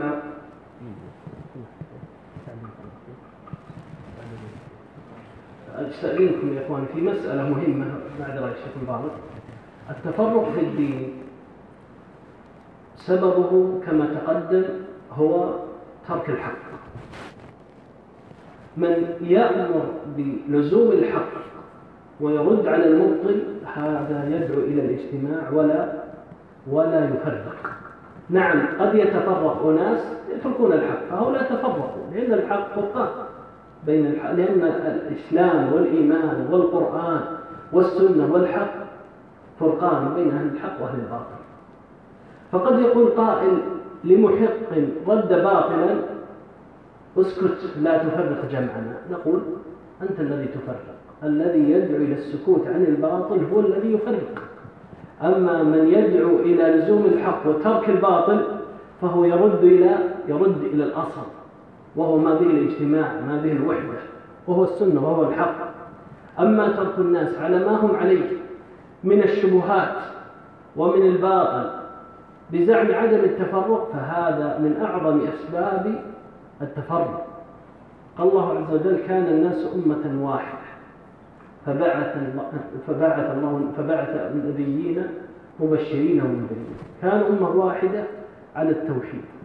ثم حدث الاختلاف والتفرق. بالشرك وحدوث التغيير لدعوة الرسل فجاء الرسل لماذا؟ لردهم إلى الأصل وهو التوحيد وهو الحق الذي به الذي به ردهم إلى اجتماعهم ووحدتهم فلا يجوز لأحد أن يلوم صاحب سنة رد باطلا وكشف شبهة ويقال هذا يفرق هذا يشكر ويدعى له بالخير ما دام سالكا مسالك أهل العلم ومسالك أهل الفضل ومسالك أهل السنة ومسالك أهل الحكمة. هذا يدعى له لأنه قام يا إخواني بفرض على طلاب العلم. لا يسقط إلا بقيام بعضهم به وهو من فروض الأعيان وهو من فروض الكفايات وهو رد الباطل وبيان الحق. ورد صولة الصائلين والمبطلين أنواع كما تقدم. المبطلين الذين شوهوا هذه الدعوة أنواع. كما تقدم الإخوان المسلمين التكفيري من داعش وقاعدة ومن شابههم وجماعة التبليغ ومن هو في مقابل أولئك ممن دخلته شبهة المرجئة. الذين يقولون أن العمل ليس من الإيمان وأن الإيمان اعتقاد في القلب دون العمل وهم أصناف. ومنهم من يقول الإيمان قول وعمل واعتقاد ولكنه يحصر الكفر وتكفير فاعل فاعل الكفر بقصد الكفر والرغبة عن الإسلام. فيؤول قوله إلى إلى أن الكافر لا يكفر إلا بالجحود. ومنهم من يقر بذلك فيقول لا كفر إلا باعتقاد ومنهم من ينكر ذلك ولكن تطبيقه وفعله يؤول إلى أنه لا يكفر ويقرر ذلك أنه لا يكفر إلا بالاعتقاد على طريقة أهل الإرجاء وينسب ذلك إلى دعوة الشيخ محمد بن عبد الوهاب. الأمر خطير جدا الأمر عظيم. الاعتقاد يا إخواني دونه دماء دونه رقابة. الصحابة رضي الله عنهم زادوا عن اعتقادهم عن دينهم وعن دعوتهم زادوا عنه بأرواحهم وبأولادهم وبأموالهم وب... وهجروا بلادهم. كل ذلك من أجل نشر دعوة الإسلام والدعوة إلى الله عز وجل. ثم يوجد منا من يزهد في السنة ويزهد في التوحيد وينشر المبادئ الباطلة وينسبها إلى دين الإسلام وإلى دعوة السلف وإلى دعوة الشيخ محمد بن عبد الوهاب هذا أمر خطير. وهذا مؤمن بتغير ما في هذه البلاد. إن لم ننتبه ونتدارك ونجتمع على الحق وعلى السنة. نسأل الله الجميع السداد والتوفيق.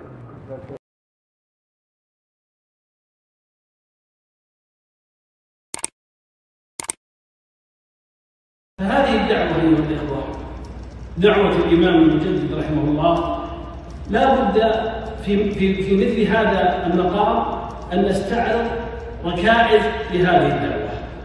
هذه الدعوة ركائز هذه الدعوة هي ركائز هذه الدولة لأنهما متعاقدتان دعوة ودولة.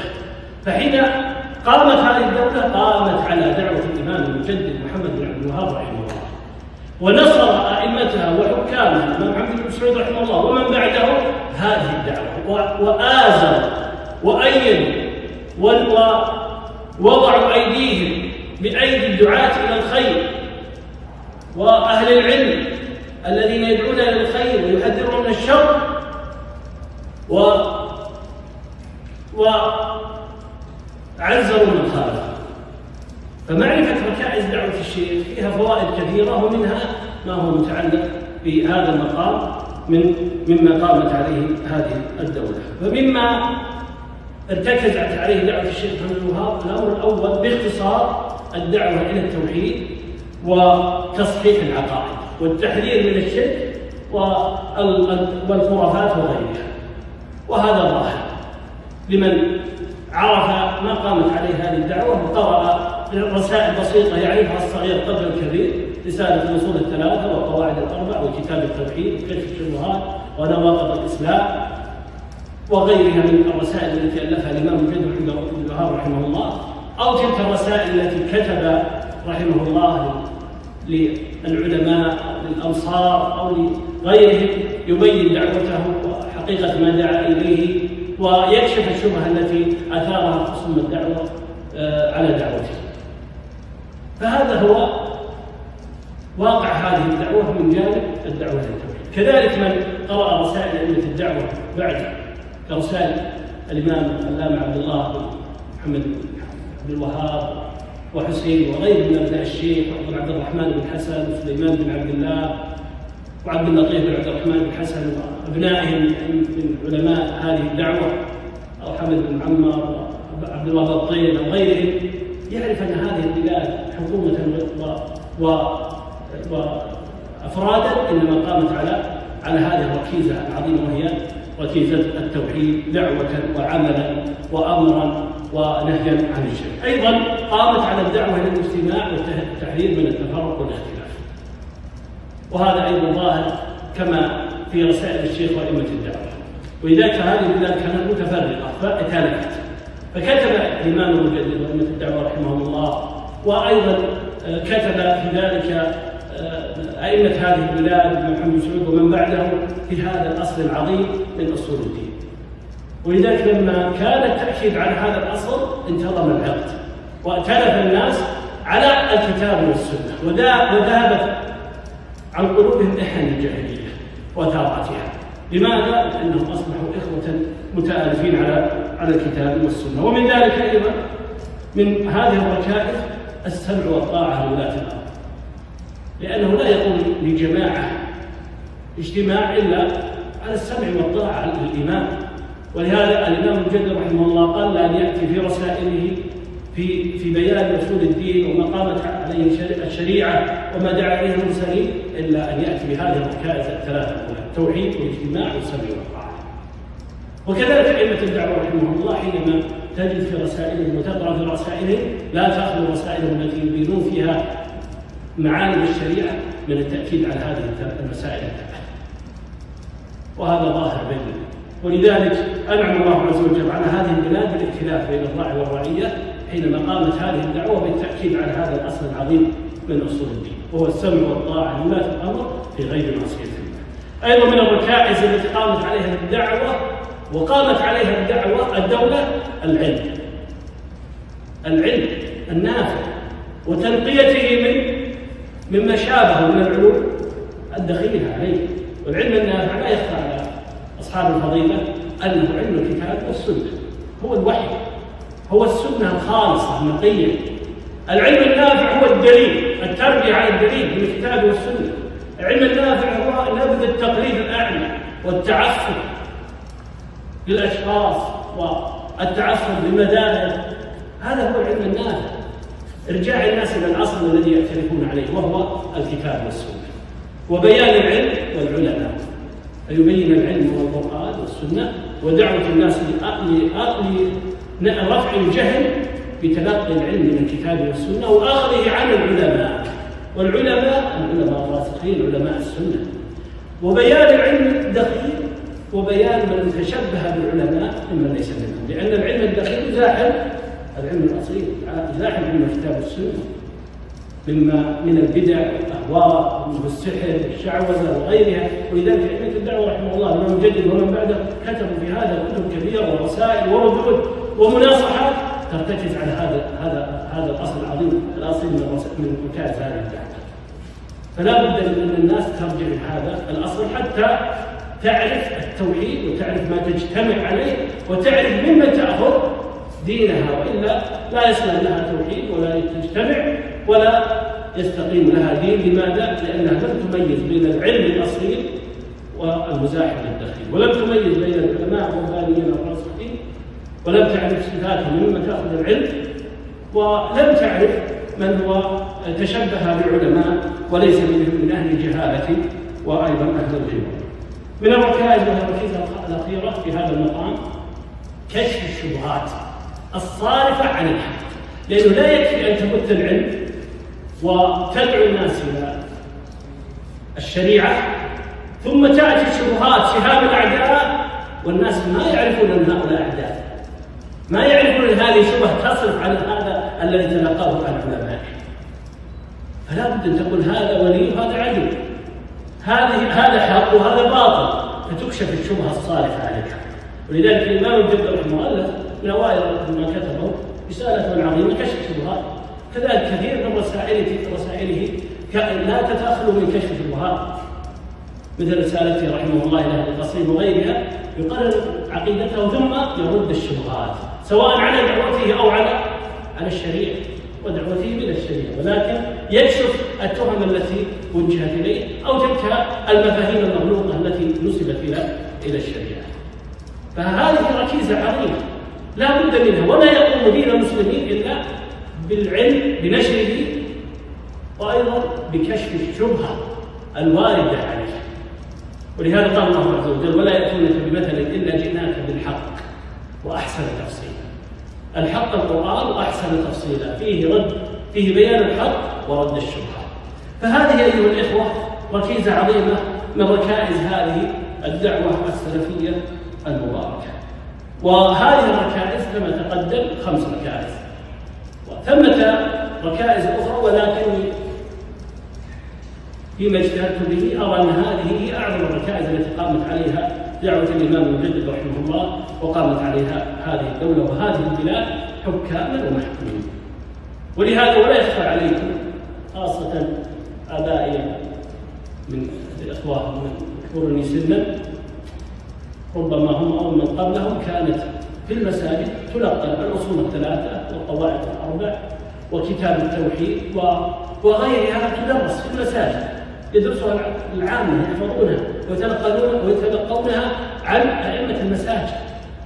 فهذه البلاد هذا ما هو عليه التوحيد السنة الاجتماع الائتلاف الطاعة لله عز وجل الطاعة لولاة الأمور. النصح بين المسلمين ولاة المسلمين بعضهم لبعض محبتهم بعضهم لبعض نصحهم بعضهم لبعض. هذا هو الأصل في هذه البلاد. لذلك لابد يا إخواني حتى ندافع عن أنفسنا نعرف من نحن. كيف تدافع عن نفسك وأنت ما تعرف من أنت؟ كيف تدافع عن دعوة أنت ما تعرف حقيقتها؟ ولذلك حينما نذب عن هذه البلاد ونقول هذه البلاد قامت على الشريعة قامت على الإيمان قامت على الطاعة. لابد أن نتذكر دائما من نحن على ماذا تأسست هذه البلاد. ما هي الدعوة التي بفضل الله عز وجل ثم بفضلها عم الخير والائتلاف وانتشر المحبة والأخوة بين الناس حكامهم ومحكوميهم وقبائلهم وأسرهم. فهذه الدعوة يا إخواني انطلقت لتصحيح المجتمع انطلقت لتصحيح الاعتقاد والانعتاق من التقليد. انطلقت لإصلاح الأخلاق. انطلقت لإصلاح النظم والمبادئ. انطلقت للاجتماع والائتلاف. انطلقت للسمع والطاعة في غير معصية الله لولاة الأمور.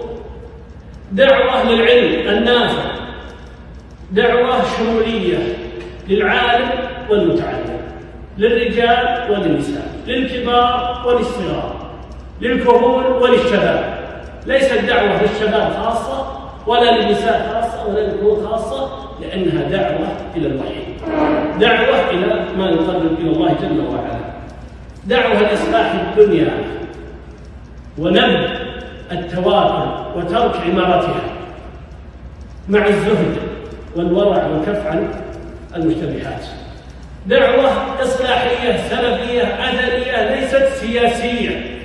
ليست دعوة حزبية. ليست دعوة للانقلاب وتأسيس حكم أو دولة. وإنما دعوة إلى الله قيدت من الله بالإمام المجدد المصلح الإمام محمد بن سعود رحمه الله وغفر له. دعوة للأمر بالمعروف والنهي عن المنكر. ليست دعوة للمداهنة دعوة للنصح للخاص والعام للحاكم والمحكوم على ما توجبه الشريعة. دعوة اعتدال وموازنة وتوازن بين العقل والعاطفة. بين العقل والعاطفة. ليست انجراف مع العاطفة وليست جمود وكسل بل هي عقل وعاطفة وشريعة. ولا تتعارض هذه الأشياء. شريعة عمل الكتاب والسنة مع مع إعمال العقل والحكمة في أسلوب الدعوة مع إثارة العاطفة والغيرة على الشريعة والدين فهذا توازن. فلم تتصادم مع ذوي الشأن من ولاة الأمور والسلطة بل توافقت معهم على الكتاب وعلى السنة. ولهذا كانت دعوة مباركة ودولة مباركة منذ تأسيسها وظهر بذلك الدين وظهر وظهرت شريعة رب العالمين. وأعز الله عز وجل أولياءه وخذل الله عز وجل بهذه الدعوة أعداءه. فظهر الجهاد في سبيل الله مع ولاة الأمور. وانقمع أهل الشرك وأهل أهل الخرافة وأهل البدع وأهل الشهوات وأهل الكسل عن الصلوات. والأخبار في هذا نقلا للأخبار وتدوينا في الكتب وهي مدونة موجودة لا بد أيها الإخوة أن نعرف هذه الركائز وما قامت عليه هذه البلاد دعوة ودولة.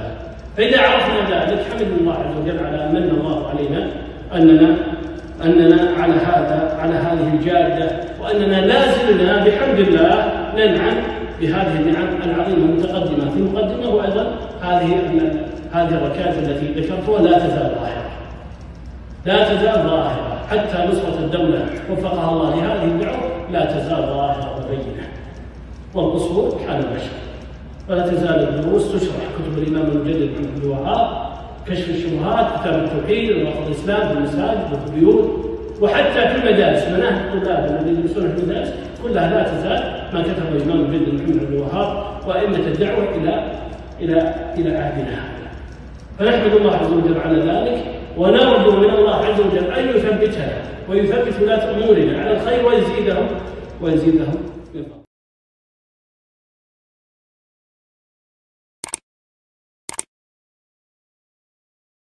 السلام عليكم ورحمة الله وبركاته. إن الحمد لله نحمده ونستعينه ونستغفره ونتوب إليه. ونعوذ بالله من شرور أنفسنا ومن سيئات أعمالنا. من يهده الله فلا مضل له ومن يضلل فلا هادي له. وأشهد أن لا إله إلا الله وحده لا شريك له وأشهد أن محمدا عبده ورسوله صلى الله عليه وسلم وعلى آله وأصحابه وأتباعه بإحسان إلى يوم الدين وسلم تسليما كثيرا. أما بعد فأحمد الله جل وعلا على ما من به من نعمة الإسلام والإيمان وما أكرمنا به من هذه اللقاءات الطيبة المباركة التي يذكر فيها الله جل وعلا. ثم أشكر معالي وزير الشؤون الإسلامية معالي الشيخ عبد اللطيف آل الشيخ حفظه الله على إقامة هذه الندوات ممثلة بفرع وزارة الشؤون الإسلامية في المدينة المنورة برئاسة فضيلة الشيخ وجب العتيبي حفظه الله وبرعاية فضيلة الشيخ صالح سحيمي المدرس المسجد النبوي ومفوض الإفتاء في هذه المنطقة. فلهم منا الشكر الجزيل والدعاء بالأجر المضاعف الكبير على هذه الجهود الطيبة المباركة. أيها الإخوة فإن من عظيم نعم الله جل وعلا على هذه البلاد المملكة العربية السعودية موطن العرب ومأرز الإيمان ومهبط الوحي أن الله جل وعلا أرسل من هذه البلاد خاتم النبيين وسيد الأولين والآخرين. فكان العرب في هذه البلاد أقبل للإيمان وأقوم بالإسلام وأشجع في نصرة ما أرسل الله عز وجل به رسوله صلى الله عليه وسلم. والقيام بشرعه وجهاد الكافرين والمنافقين. والله جل وعلا إنما اختص هذه البلاد المباركة المملكة العربية السعودية بأن كانت في هذه الأزمان المتأخرة مأرز الإيمان. فحفظ الله لها عقيدتها وجمع الله جل وعلا لها كلمتها وأظهر أمنها وأقام فيها منهاج النبوة وعقيدة السلف الصالح في هذه الأزمان المتأخرة التي كثرت فيها الفتن والشرور وكثر فيها الاختلاف والنزاع. ومن عظيم نعمة الله جل وعلا على هذه البلاد أن الله سبحانه وتعالى أقام فيها دعوة أثرية سلفية دعوة الإمام المجدد المصلح محمد بن عبد الوهاب رحمه الله تعالى. هذه الدعوة التي قامت على أساس متين وأصل عظيم وهو توحيد الله جل وعلا كما سيأتي. قامت عليها دولة وهي الدولة السعودية المباركة في طورها الأول ثم الثاني ثم الثالث. وذلك بتعاضد الإمامين الإمام محمد بن سعود رحمه الله والإمام المجدد محمد بن عبد الوهاب رحمه الله. فقامت هذه الدولة المباركة المملكة العربية السعودية على هذا الأساس العظيم وهو توحيد الله جل وعلا وإقامة شرعه ونصرة مذهب السلف. وهذا والله من حفظ الله جل وعلا لدينه أن مكن لدينه دولة تحفظ هذا الدين وتقوم به وتنصره وتنصر أولياءه وتنصر الحاملين للشريعة الآمرين بالمعروف الناهين عن المنكر. وهذا والله من حفظ الله جل وعلا لدينه. لما أن أقام هؤلاء دين الله يسر الله جل وعلا لهم من ينصرهم ويؤيدهم ويؤازرهم كما قال الله جل وعلا في كتابه الكريم وعد الله الذين آمنوا منكم وعملوا الصالحات لا يستخلفنهم في الأرض كما استخلف الذين من قبلهم وليمكنن لهم دينهم الذي ارتضى لهم وليبدلنهم من بعد خوفهم أمنا يعبدونني لا يشركون بي شيئا. ومن كفر بعد ذلك فأولئك هم الفاسقون. وقال الله جل وعلا إنا لننصر رسلنا والذين آمنوا في الحياة الدنيا ويوم يقوم الأشهاد يوم لا ينفع الظالمين معذرتهم ولهم اللعنة ولهم سوء الدار. وقال الله جل وعلا يا أيها الذين آمنوا إن تنصروا الله ينصركم ويثبت أقدامكم. هذا وعد الله لمن نصر دينه وأقام شرعه وصدق فيما عاهد الله عز وجل عليه من الإيمان به والعمل بشرعه.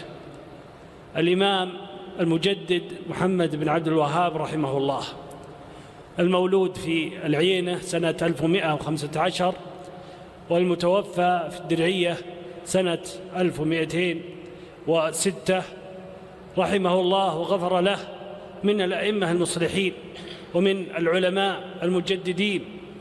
الذين ساروا في دعوتهم وفي منهاجهم وطريقهم على ما كان عليه السلف الصالح. كان الذين كانوا على منهاج النبوة في العقيدة وفي العمل في الدعوة في الجهاد في الأمر بالمعروف النهي عن المنكر لم يبتدع ولم يأتي بجديد. إنما دعا إلى ما دعا إليه من قبله ومن سبقه من الأئمة المصلحين. لم يخالف في عقيدته. الكتاب والسنة كما لم يخالف إجماع المسلمين. بذل عمره ووقته في الدعوة إلى الله وفي الجهاد في سبيله الأمر بالمعروف والنهي عن المنكر. لم يكن رحمه الله غريبا على العلم والدعوة لأنه نشأ في بيت علم في بيت فقه. نشأ في بيت علم وفي بيت فقه. وفي بيئة علمية فأخذ العلم عن أهله وأخذ العلم من بيئته ثم رحل لتلقي العلم كما هو هدي العلماء في القديم والحديث أنهم يرحلون في تلقي العلم وطلبه حتى ينال العلم الكثير الذي عند أهل بلده ومحيطه وعند غيره حتى يكون محققا في العلم فرحل إلى مكة والمدينة والأحساء والبصرة وغيرها في تلقي العلم حتى حاز علما كثيرا. أوذي في سبيل الله شد الأذى صبر وصابر رحمه الله حتى رحل إلى الدرعية فظهرت دعوته ونصره الله عز وجل على من نواه. قيض الله جل وعلا للإمام محمد بن عبد الوهاب رحمه الله. الإمام محمد بن سعود مؤسس الدولة السعودية الأولى المولود سنة 1190 والمتوفى سنة 1179 المولود سنة 1090 ومتوفى سنة 1100 الإمام محمد بن سعود رحمه الله. المتوفى سنة 1100 تسعة وسبعين. كان أميرا للدرعية فسخره الله عز وجل للإمام المجدد رحمه الله فنصره وتعاقد على نصرة دين الله جل وعلا. فكان في هذا نشأة هذه الدولة المباركة المملكة العربية السعودية الدولة السعودية الأولى. فقامت هذه الدولة على على الدعوة الإصلاحية من إقامة التوحيد ونبذ الشرك والحرب على البدعة والخرافة وتحرير الإنسان من رقي الأوثان. فكانت هذه الدعوة أعظم مؤثر في هذه البلاد بلاد الحرمين المملكة العربية السعودية. فجمع الله عز وجل كلمة بعد أن كانت الكلمة متفرقة. فألف الله عز وجل بالتوحيد وما كان من نصرته قلوب أهل الإسلام. استتب الأمن. وكان هذا أكبر رادع لأعداء الإسلام المشركين ولأهل البدع وأهل الفجور والفسوق وأهل البغي وأهل الظلم على العباد والبلاد. هذا كله بفضل الله جل وعلا. ثم تمسك أهل هذه البلاد. مؤسس رحمه الله الإمام محمد بن سعود والإمام محمد بن عبد الوهاب. ومن كان على ما كانوا عليه من العلم والعمل تمسكهم بشرع الله جل وعلا وتوحيده محافظتهم على شعائر الدين وإظهارها. وأمرهم بالمعروف والنهي عن المنكر على ما جاءت به الشريعة كان في هذا هيبة لهم وقوة لدين الله وعز لشرع الله وعز للإسلام والمسلمين وأظهرهم الله عز وجل على من نواهم. هذا كله من آثار هذه الدعوة العظيمة الإصلاحية. وسنة الله جل وعلا لمن أقام دينه وعمل بشرعه واتبع الرسل أن يبتلى كما قال الله جل وعلا ألف لام ميم أحسب الناس أن يتركوا أن يقولوا آمنا وهم لا يفتنون. لا بد من الفتنة. ولنبلونكم حتى نعلم المجاهدين منكم ونعلم الصابر هذه سنة الله جل وعلا. ولهذا الإمام المجدد رحمه الله وهذه الدعوة تعرضت للابتلاء والمحن والفتن وتعرضت للشبه التي تثار حولها. فلما كان الإمام رحمه الله دعا إلى ما دعا إليه من توحيد الله جل وعلا وبين دعوته وأثيرت على دعوته الشبه والمفتريات كان من طريقته رحمه الله وهذا هو الواجب على كل داعية تثار عليه من خصومه الشبهة التي تصد عن دعوته أن يبين حقيقة ما هو عليه. الشيخ رحمه الله بين ذلك. كما في جملة من رسائله فمن ذلك أنه قال رحمه الله في رسالة إلى علماء مكة سنة 1204 قال رحمه الله تعالى من محمد بن عبد الوهاب إلى العلماء الأعلام في بلد الله الحرام نصر الله بهم دين سيد الأنام عليه أفضل الصلاة والسلام وتابع الأئمة الأعلام. سلام الله عليكم ورحمته وبركاته. جرى علينا من الفتنة ما بلغكم وبلغ غيركم ما بلغكم وبلغ غيركم وسببه هدم بناء في أرضنا على قبور الصالحين. ومع هذا ومع هذا نهيناهم عن دعوة الصالحين وأمرناهم بإخلاص الدعاء لله. فلما أظهرنا هذه المسألة مع ما ذكرنا من هدم البناء على القبور كبر على العامة وعاضدهم بعض من يدعي العلم لأسباب ما تخفى على مثلكم. أعظمها اتباع الهوى مع أسباب أخر. فأشاعوا عنا أننا نسب الصالحين وأن على غير جادة العلماء. ورفعوا الأمر إلى المشرق والمغرب. وذكروا عنا أشياء يستحي العاقل من ذكرها. وأنا أخبركم بما نحن عليه بسبب أن مثلكم ما يروج عليه الكذب. ليتبين لكم الأمر وتعلموا الحقيقة. فنحن ولله الحمد. متبعون لا مبتدعون على مذهب الإمام أحمد بن حنبل إلى آخر قوله. ومن ذلك أيضا أنه قال في رسالة لعالم من علماء المدينة قال رحمه الله إن سألت عن سبب الاختلاف الذي هو بيننا وبين الناس فما اختلفنا في شيء من شرائع الإسلام من صلاة وزكاة وصدقة وحج وغير ذلك ولا في شيء من المحرمات الشيء الذي عندنا زين هو عندهم زين والذي عندهم شيء هو عندنا شيء إلا أن نعمل بالزين ونغصب الذي يدنا عليه وننهى عن الشيء ونؤدب الناس عليه. والذي قلب الناس علينا الذي قلبهم على سيد ولد آدم صلى الله عليه وسلم وقلبهم على الرسل من قبله. كم كلما جاءت أمة رسولها كذبوه. كلما جاء أمة رسولها كذبوه. ومثل ما قال ورقة للنبي صلى الله عليه وسلم والله ما جاء أحد بمثل ما جئت به إلا عودي. فرأس الأمر عندنا وأساسه. هنا الشيخ رحمه الله يبين أصل دعوته. قال رحمه الله فرأس الأمر عندنا وأساسه إخلاص الدين لله. نقول ما يدعى إلا الله ولا ينذر إلا لله ولا يذبح القربان إلا لله ولا يخاف خوف الله إلا من الله. فمن جعل من هذا شيئا لغير الله فنقول هذا الشرك بالله. إلى آخر قوله.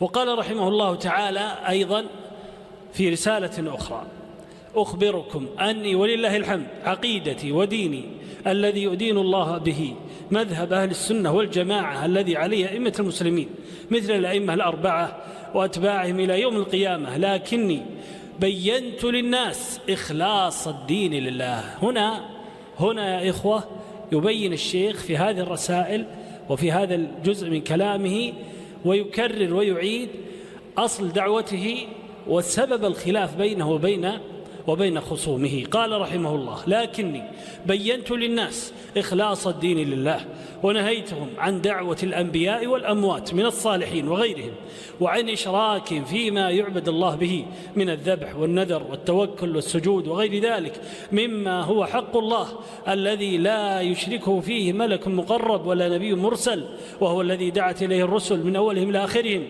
وهو الذي عليه أهل السنة والجماعة. وتنبه. قال رحمه الله وأنا صاحب منصب في قريتي مسموع الكلمة فأنكر.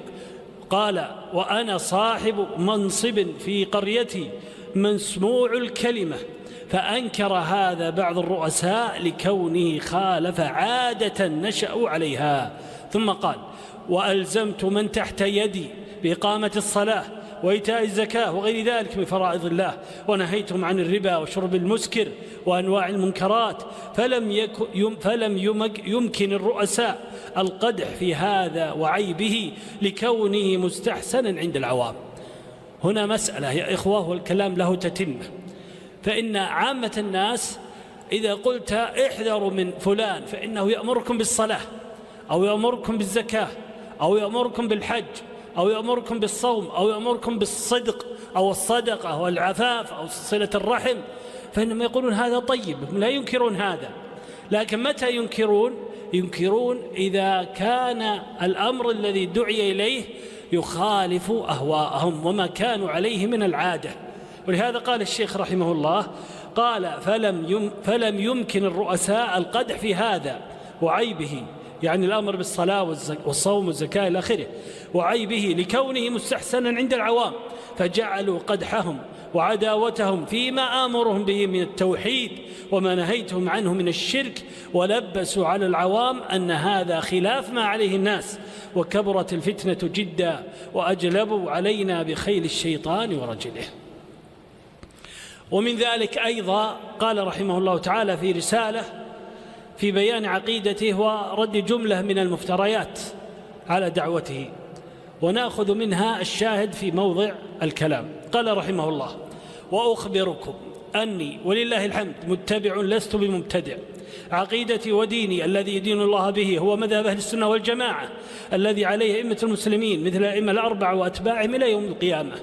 ولكني بينت للناس إخلاص الدين لله ونهيتم عن دعوة الأحياء والأموات من الصالحين وغيرهم وعن إشراك فيما يعبد الله به من الذبح والنذر والتوكل والسجود وغير ذلك مما هو حق الله الذي لا يشرك فيه أحد. لا ملك مقرب ولا نبي مرسل وهو الذي دعت إليه الرسل من أولهم إلى آخرهم وهو الذي عليه أهل السنة والجماعة. وبينت لهم أن أول ما من أدخل الشرك في هذه الأمة الذين يدعون عليا وغيره ويطلبون منهم قضاء الحاجات وتفريج الكربات وأنا صاحب منصب في قريتي مسموع الكلمة فأنكر هذا بعض الرؤساء لكوني خالف عادة نشأ عليها. إلى إلى أن قال رحمه الله تعالى لما ذكر أن أنه دعا إلى الصلاة والزكاة بنحو ما تقدم من النقل قال فلم يمكن الرؤساء القذف في هذا وعيبه لكونه مستحسنا عند العوام لكنهم لكنهم جعلوا قدحهم فيما امروا به من التوحيد ولبسوا على العوام أن هذا خلاف ما أكثر الناس عليه ونسبوا إلينا أنواع المفتريات وهن الشاهد أنهم لما عادوا وخاصموه كذبوا عليه فهذه جملة من من مما ذكره الشيخ رحمه الله تعالى في بيان حقيقة دعوته وبيان أصل الدعوة التي قام عليها وبيان عقيدته وأنه على ما كان قبله من الأئمة من أئمة السلف الصالح أهل السنة والجماعة وما كان عليه الأئمة الأربعة أبو حنيفة ومالك والشافعي والإمام أحمد رحمه الله وأنه لم يخالف من قبله من علماء أهل السنة والجماعة فيما دعا إليه من من أصول الدين. وأيضا بيان أن أن القدح لم يكن لدعوته إلى إلى ما كان يحبه الناس من صلاة وصوم وزكاة وحج وغير ذلك وإنما كان القدح بتهيج العوام والتلبيس عليهم فيما كان يخالف ما هم عليه من العادة التي نشأوا عليها من من الشرك والبدع وغير ذلك. فهذه جملة من كلام الشيخ رحمه الله تعالى. وهذه الدعوة السلفية الإصلاحية دعوة الإمام المجد رحمه الله تعالى إنما تعرضت لما تعرضت له ولأن لأن هذا سنة الله عز وجل في كل دعوة حق. فإن دعاة الباطل جميعا من أولهم إلى آخرهم.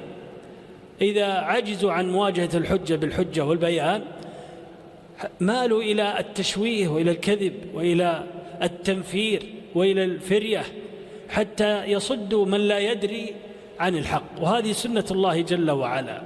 كما قال الله جل وعلا وكذلك جعلنا لكل نبي عدوا من المجرمين وكفى بربك هاديا ونصيرا.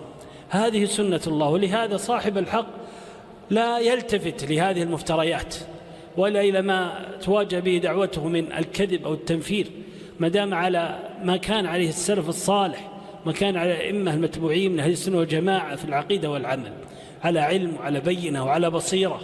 سالكا في ذلك مسالك أهل العلم في العلم والعمل والدعوة سائرا على طريقتهم على بصيرة وعلى حكمة متأسيا هديهم وسمتهم وأدبهم. هذا ما يجب على كل مسلم آه، سار على هذه آه، على هذه العقيدة. هذه الدعوة أيها الإخوة لا غرو أن تواجه ما واجهت من المفتريات ومن الخصومة. لأن محيطها والأقاليم التي حولها وكثير من أقطار العالم الإسلامي كانت في ذلك العصر تعج بالمخالفات الشرعية في العقيدة شركيات وبدع وطرق. ولذلك لما جاء الشيخ رحمه الله تعالى بما يخالف ما عليه أهل تلك البلدان ناكفوه وخاصموه. ناكفوه وخاصموه لأن ذلك يخالف ما عليه السادة والمتبوعين والمستنفعين والغوغاء هكذا هكذا سنة الله جل وعلا. لكن لا بد من الصبر. ما يعني أن تواجه الدعوة بما تواجه من افتراء ومخاصمة أن المسلم يترك طريقه؟ هذا خطأ. لا بد أن يصبر كما صبر الرسل والأنبياء والعزم من الرسل وكما صبر الصحابة رضي الله عنهم في تبليغ الدين كما صبر السلف في حمل الشريعة عدلا عن عدل. إلى أن بلغنا دين الله جل وعلا لم يكن هذا إلا إلا بالصبر. كما قال الله جل وعلا قل هذه سبيلي أدعو إلى الله على بصيرة. أنا ومن اتبعني وسبحان الله وما أنا. وسبحان الله وما أنا من المشركين. وكما قال الله جل وعلا وتأمل هذه الآيات. آيات عجيبة. قال الله جل وعلا ادع إلى سبيل ربك بالحكمة والموعظة الحسنة وجادلهم بالتي أحسن. إن ربك وأعلم بمن ضل عن سبيله وهو أعلم بالمهتدين. وإن عاقبتم بمثل ما فعاقبوا بمثل ما عوقبتم به ولئن صبرتم لهو خير للصابرين. ثم قال واصبر. وما صبرك إلا بالله ولا تحزن عليهم ولا تك في ضيق مما يمكرون. إن الله مع الذين اتقوا والذين هم محسنون. فإذا دعوت إلى الله على بصيرة يعني على علم ودعوت إلى الله مخلصا لله سبيل الله راجيا ثواب الله سائرا في دعوتك الحكمة بوضع كل شيء موضعه اللائق به وصبرت فلم تترك هذا الطريق لوجود من يصد عنه وإنما تجادل وتنصح وتأمر بالمعروف وتنهى عن المنكر لكن بالتي أحسن فتوكل على الله لماذا؟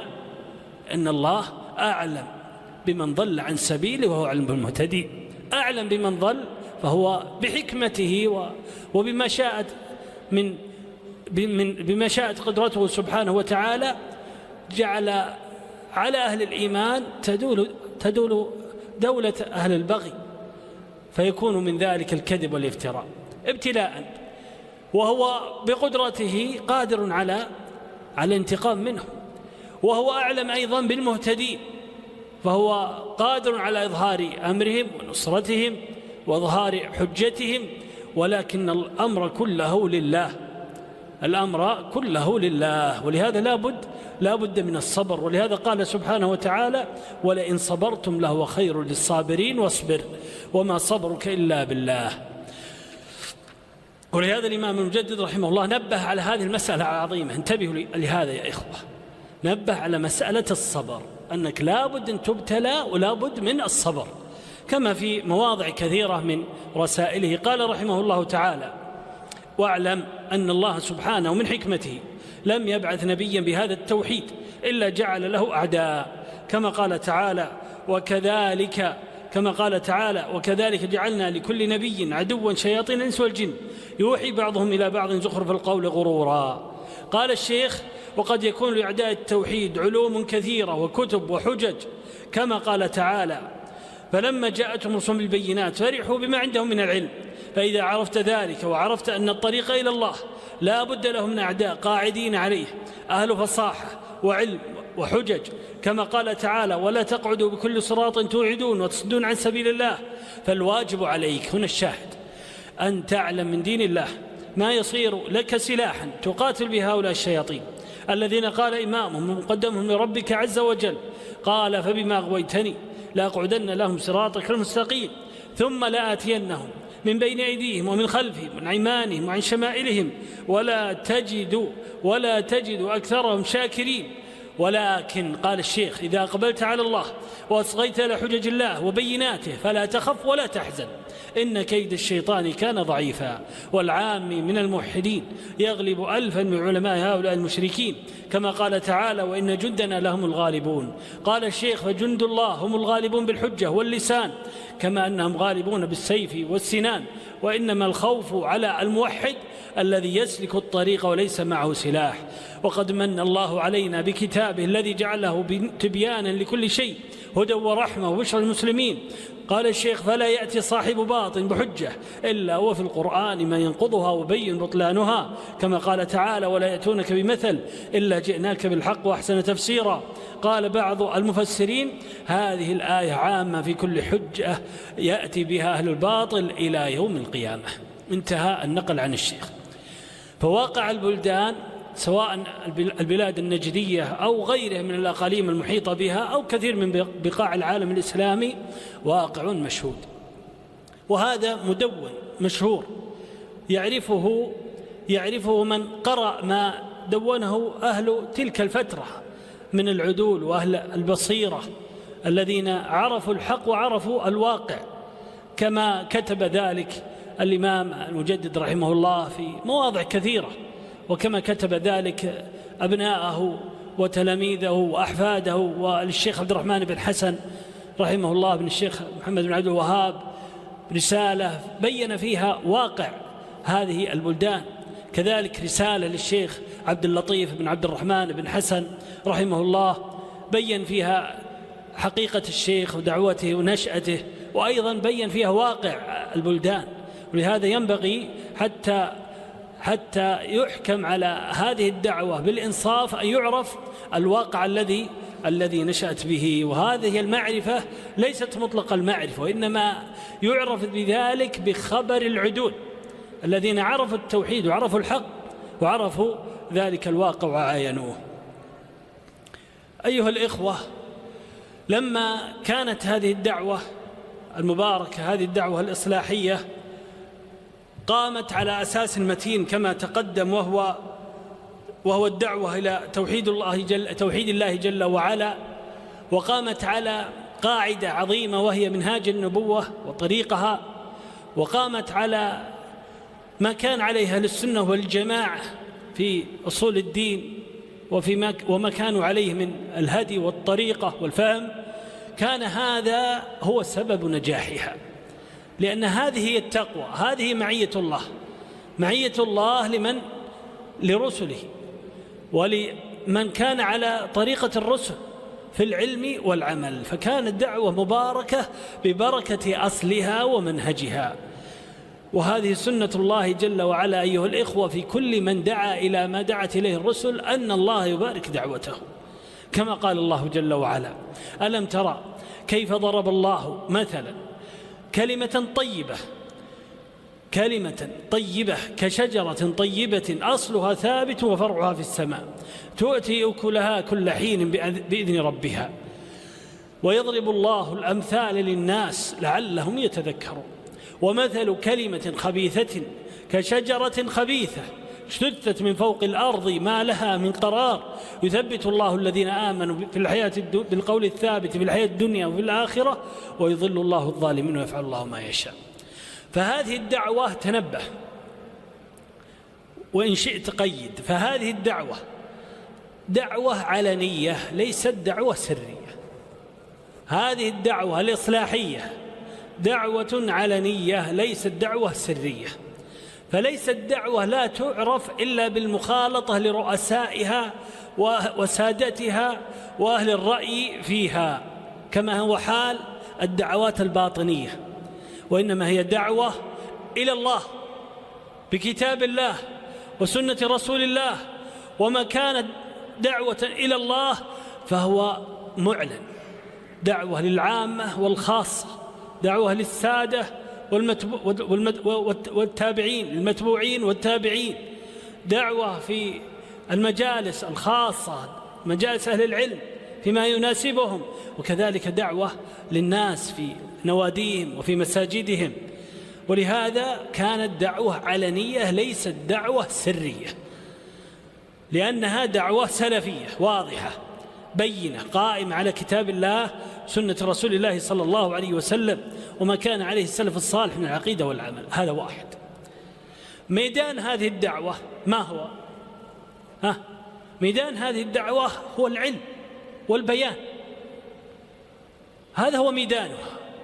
ليس ميدان هذه الدعوة هو الرأي أو الفكر أو الأحلام أو المنامات أو الكشف والإلهام أو غير ذلك. وإنما ميدانها وسلاحها وصوتها هو العلم هو الوحي. هذا هو هذا هو الميدان الذي الذي الذي انتشرت به الدعوة. فلم تكن تنتشر بغير كتاب الله بغير سنة رسوله بغير العلم النافع والعمل الصالح. أهل خطاب هذه الدعوة من؟ المخاطبون بها. المخاطبون بها كل مكلف. من رجال ونساء وحكام ومحكومين عرب وعجم إنس وجن. لماذا؟ لأنها دعوة إلى الله جل وعلا. دعوة إلى الله والدعوة إلى الله يخاطب بها كل مكلف. كل مكلف خلقه الله لعبادته كما قال الله جل وعلا وما خلقت الجن والإنس إلا ليعبدون فكل من كان مخاطبا بعبادة الله جل وعلا فهو أهل خطاب دعوة الحق. حاكم ومحكوم رجل وامرأة. هكذا هي دعوة الحق خلاف للدعوات المخالفة لها. فهي دعوة الإسلام ودعوة الإيمان. فما دعا الإمام المجدد رحمه الله وأئمة الدعوة رحمهم الله إلا إلى ما دعا إليه الرسل من توحيد الله والإخلاص له وما دعا إليه الصحابة رضي الله عنهم وجاهدوا لأجله وما بذل السلف الصالح وأئمة الدين جهدهم ووقتهم وأعمارهم في حمله وتبليغه من العلم من العلم والعمل. ولهذا وهنا تنبه يا أخي. ألف الإمام المجدد رحمه الله وأئمة الدعوة رسائل وكتب ومناصحات وأيضا ردود كتبوها في بيان حقيقة ما دعوا إليه. من من أراد أن يعرف ما دعت إلى ما كانت عليه هذه الدعوة. عليه أن يرجع إلى ما كتبه أهله. ارجع إلى ما ألفه الإمام المجدد رحمه الله من رسائل عظيمة مناصحات وردود وكتب.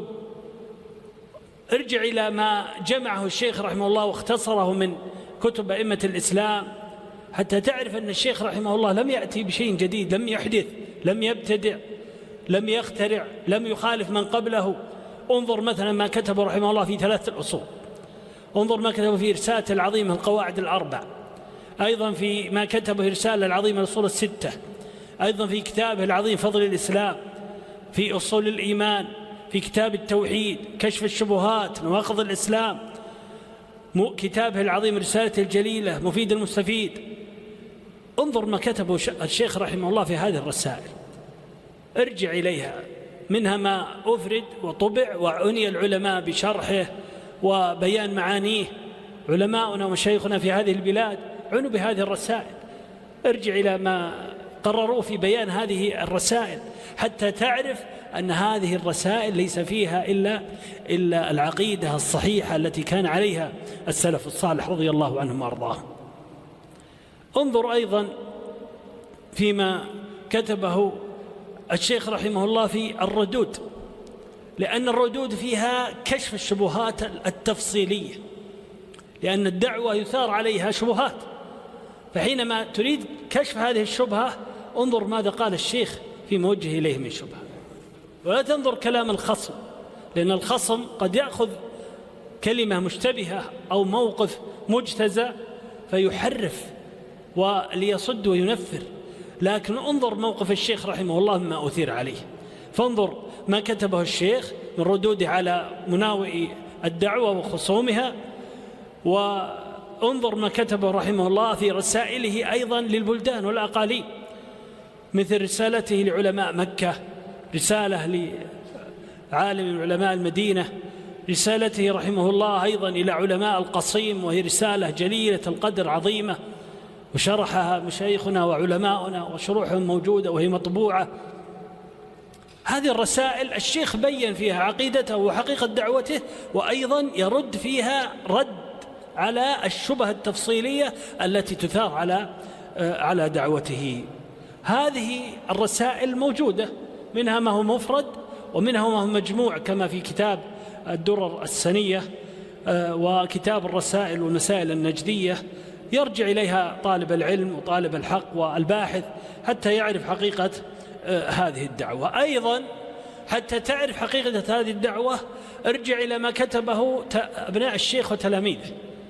الشيخ عبد الله بن الشيخ محمد بن عبد الوهاب رحمه الله كتب رسالة جليلة القدر رد فيها على شبهات كثيرة في أثيرت على على الدعوة سواء في مسائل في مسائل الإيمان والتكفير أو في مسائل موقف من الصالحين أو في موقفه من الأئمة الأربعة.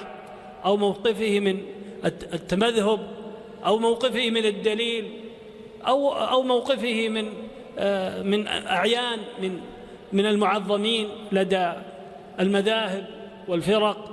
كل هذا أثير على الشيخ والشيخ بين هذا في رسائله والشيخ عبد الله رحمه الله في رسالة موجودة في الدروسانية كشف هذا وبينه ورد الشبهة التفصيلية في هذه المسائل. كذلك ما كتبه الشيخ عبد اللطيف بن عبد الرحمن بن حسن وما كتبه الشيخ سليمان بن عبد الله وما كتبه الشيخ حمد بن معمر وعبد الشيخ عبد الله بن طير رحمه الله الشيخ حمد بن عتيق وما كتبه الشيخ سليمان بن سحمان وغيرهم من أئمة الدعوة. كذلك وهذا من أهم ما يكون ترجع إلى ما كتب ما كتبه أو حاضر به العلماء المعاصرون. الشيخ عبد العزيز بن باز رحمه الله له محاضرة عظيمة جليلة القدر في حقيقة الدعوة هذه الدعوة. بينها ارجع لهذه المحاضرة. انظر كيف أن الشيخ رحمه الله دافع عن هذه الدعوة بين ما كان عليه الشيخ رحمه الله من مجانبة لمذهب من غلا أو مذهب من جفا.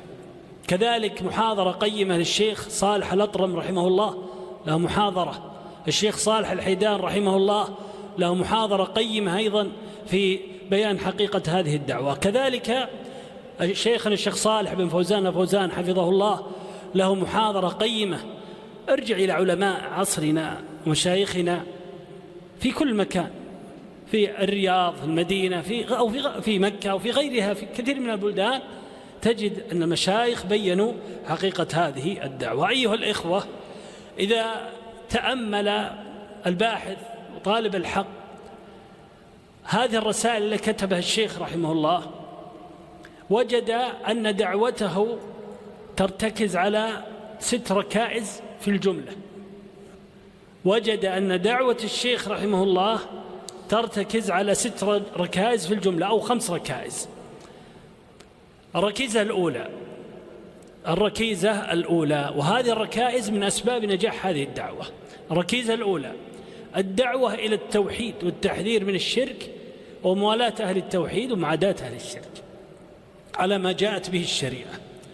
هذه هي الركيزة الأولى وهذا تقدم كما في النقول عن الشيخ رحمه الله. ولا غرو أن تكون هذه الدعوة تقوم على هذا. لماذا؟ لأن دعوة المرسلين كلهم إنما بدأت بهذا الأمر العظيم وهو الدعوة للتوحيد والتحذير من الشرك. كما قال الله جل وعلا قل هذه سبيلي أدعو إلى الله على بصيرة أنا ومن اتبعني. وسبحان الله وما أنا من المشركين. دعوته على بصيرة على علم يدعو إلى التوحيد ويحذر من الشرك. وكما قال الله جل وعلا ولقد بعثنا في كل أمة رسولا أن اعبدوا الله واجتنبوا الطاغوت.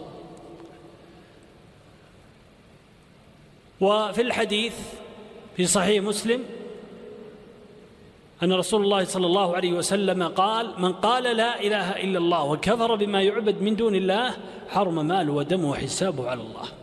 كذلك في الصحيحين حديث ابن عب حديث ابن عباس أن رسول الله صلى الله عليه وسلم لما بعث معاذا إلى اليمن قال إنك تأتي قوما أهل كتاب فليكن أول ما تدعوهم إليه أن يوحدوا الله في رواية إلى شهادة أن لا إله إلا الله. فهذه الركيزة الأولى من ركائز دعوة الشيخ رحمه الله وهو تقرير التوحيد ببيانه وبيان ضده والدعوة إلى التوحيد والتحذير من الشرك. الركيزة الثانية من ركائز دعوة الشيخ وهذه كررها كثيرا رحمه الله ومن أبرز سمات هذه الدعوة ومن أبرز أسباب نجاحها أيضا وبركتها وحلول الألفة بسببها وهي الدعوة إلى الاجتماع والتحذير من التفرق والاختلاف. هذا أصل أيها الإخوة من أصول الدين. الاجتماع فإن الدين لا يقوم إلا بالاجتماع. كما قال عمر رضي الله عنه ما إنه لا إسلام إلا بجماعة. فلا بد من الجماعة.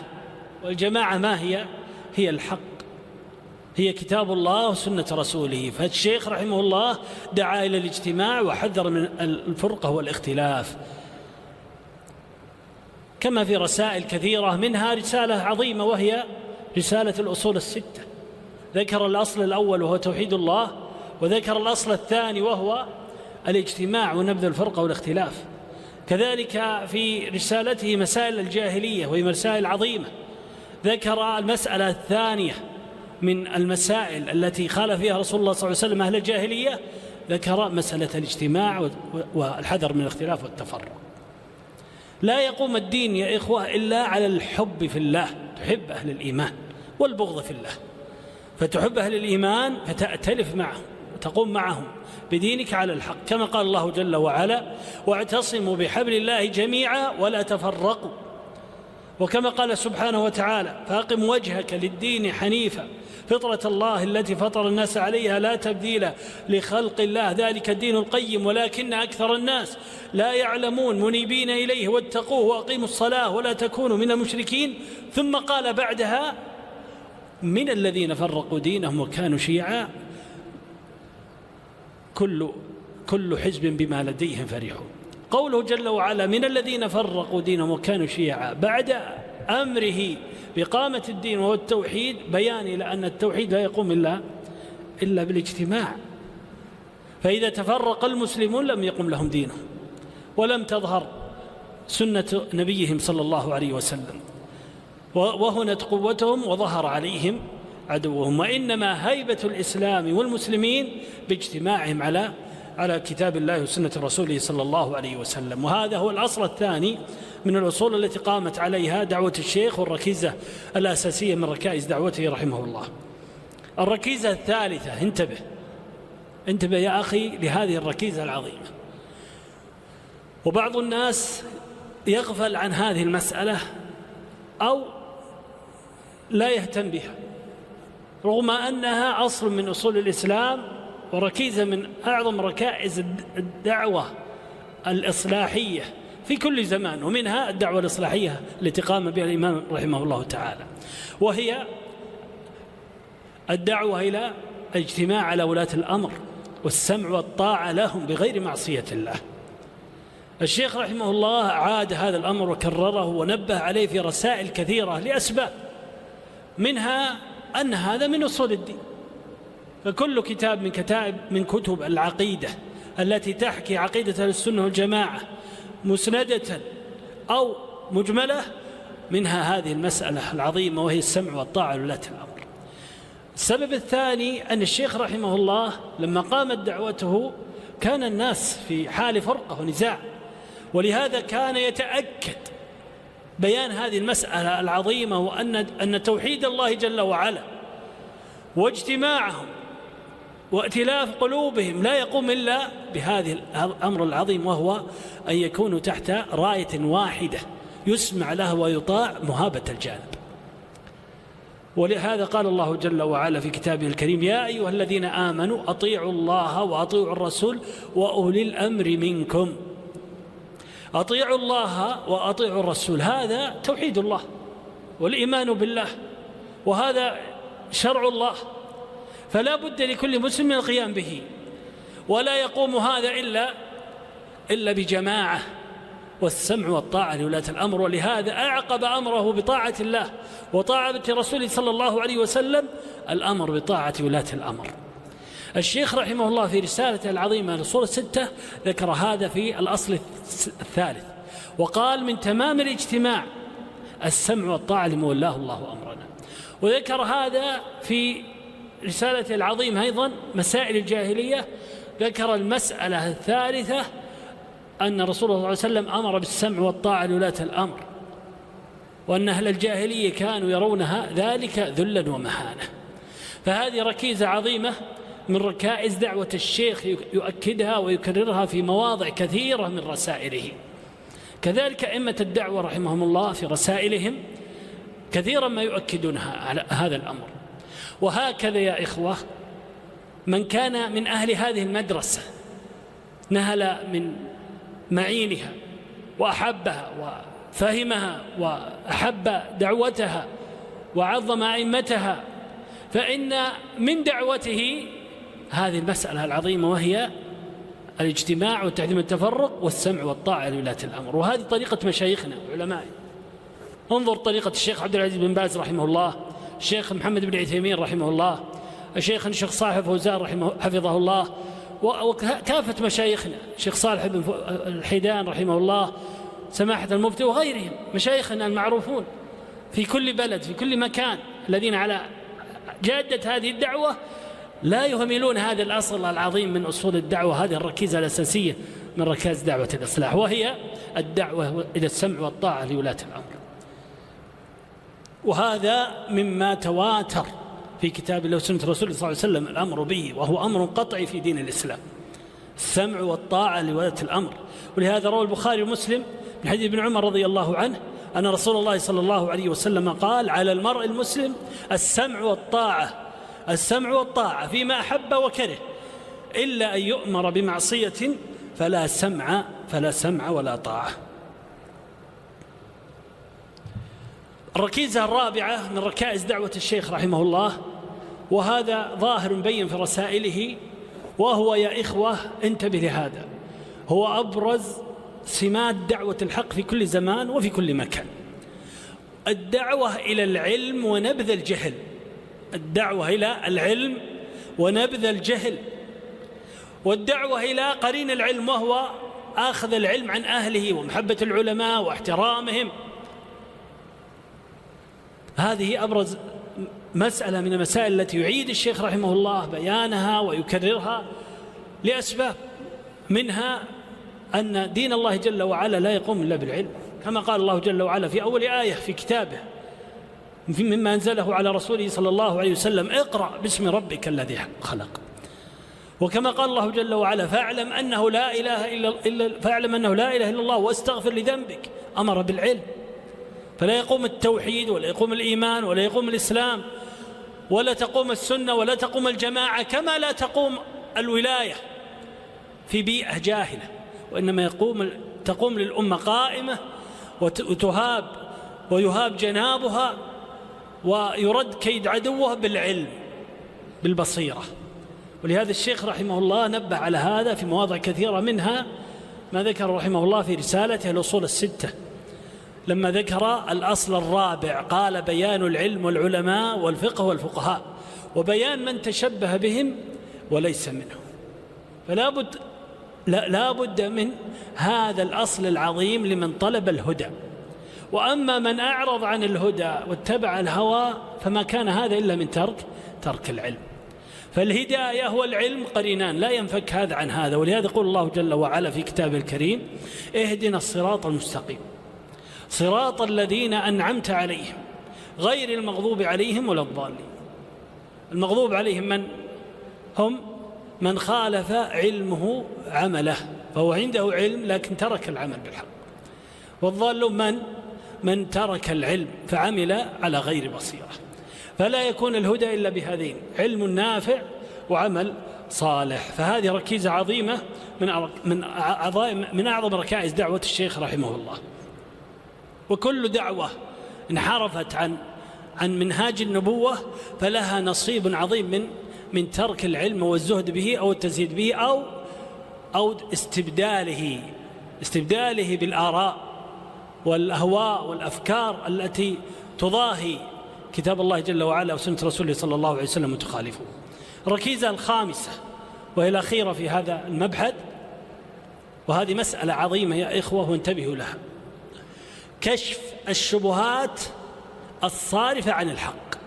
كشف الشبهات الصارفة عن الحق التي يلقيها شياطين الإنس والجن.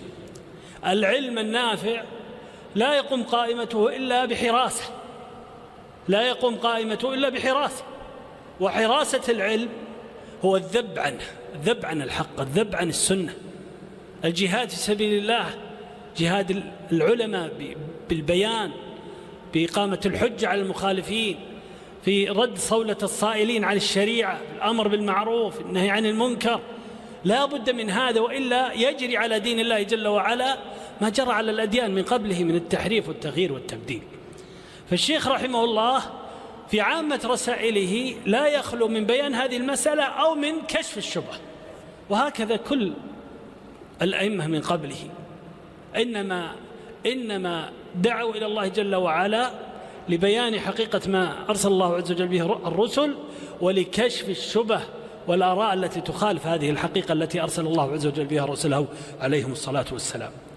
وهذا وهذه المسألة العظيمة وهذه المسألة العظيمة يبينها قول رسول الله صلى الله عليه وسلم رأس الأمر الإسلام وعموده الصلاة وذروة سنامه الجهاد في سبيل الله. فجهاد العلماء ما هو؟ هو جهاد الكلمة جهاد البيان بالحجة بالوحي. الذي يقوم به يحفظ به رأس الأمر وهو التوحيد وهو الإسلام ويحفظ به شعائر الدين من صلاة وصوم وزكاة وحج. فلا يكون هذا إلا بحفظ الدين بالدعوة والبيان والأمر بالمعروف والنهي عن المنكر وكشف الشبه والرد على المخالفين على ما جاءت به الشريعة على منهاج وطريقة أهل العلم الذين عرفوا بالحكمة والبصيرة. وهذا كما قال الله جل وعلا ولا يأتونك بمثل إلا جئناك بالحق وأحسن تفسيرا. فالمبطلون من أعداء الرسل يلقون الشبه يلقون الشبه ويحرفون عن دين الله عز وجل كما قال الله جل وعلا. وقالوا وقال الذين كفروا لا تسمعوا لهذا القرآن والغوا فيه لعلكم تغلبون. فهم ينفرون عن سماع الحق. وأما من أتى ليسمع فيلقون في طريقه الشبهة. ولا يكون ولا يكون السلامة إلا بأمرين. الأول الأول اجتناب سماع هذه الشبهة الإعراض عنها. كما قال الله جل وعلا في كتابه الكريم وإذا سمعتم آيات الله يكفر بها ويستهزأ بها فلا تقعدوا معهم. ابتعد عنها. والثاني بالعلم الإقبال. هو لما صدك عن سماع الحق أقبل عن إلى الحق. لما نفرك عن العلم أقبل على العلم. لما صدك عن العالم المعروف بالبصيرة وبالسنة أقبل على العالم. هذا هو هو طريق طريق السلامة.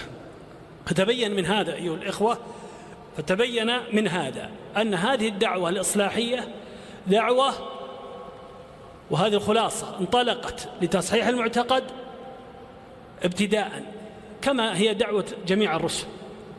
انطلقت لتصحيح الأحكام بردها إلى الدليل لأنها دعوة علم ودعوة وحي فهي ليست دعوة جمود. على أقوال ربما يكون في شيء منها مخالفة لظاهر الأدلة وإن كانت مسائل اجتهاد فهي دعوة إلى العلم دعوة إلى الدليل وتعظيم الدليل تعظيم الكتاب الله وسنة رسوله صلى الله عليه وسلم. كذلك هي دعوة لمن عرف رسائل الشيخ وما ألفه منها كتابه العظيم كتاب الكبائر وغيرها هي دعوة إلى الأخلاق الطيبة والسلوك الحميد. فليست دعوة الشيخ فقط هي دعوة إلى التوحيد والتحذير من الشرك ورد على الخصوم ومجاهدة المخالفين.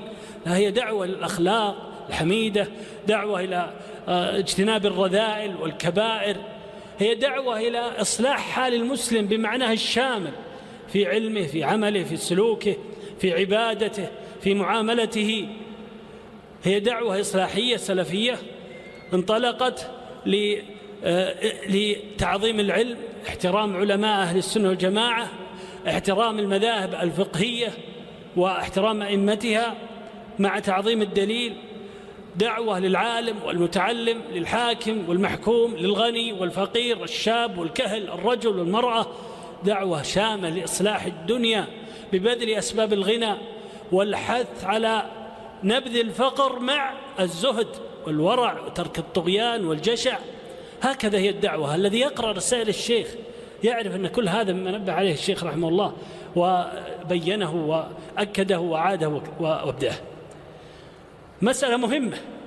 هذه الدعوة ليست دعوة سياسية.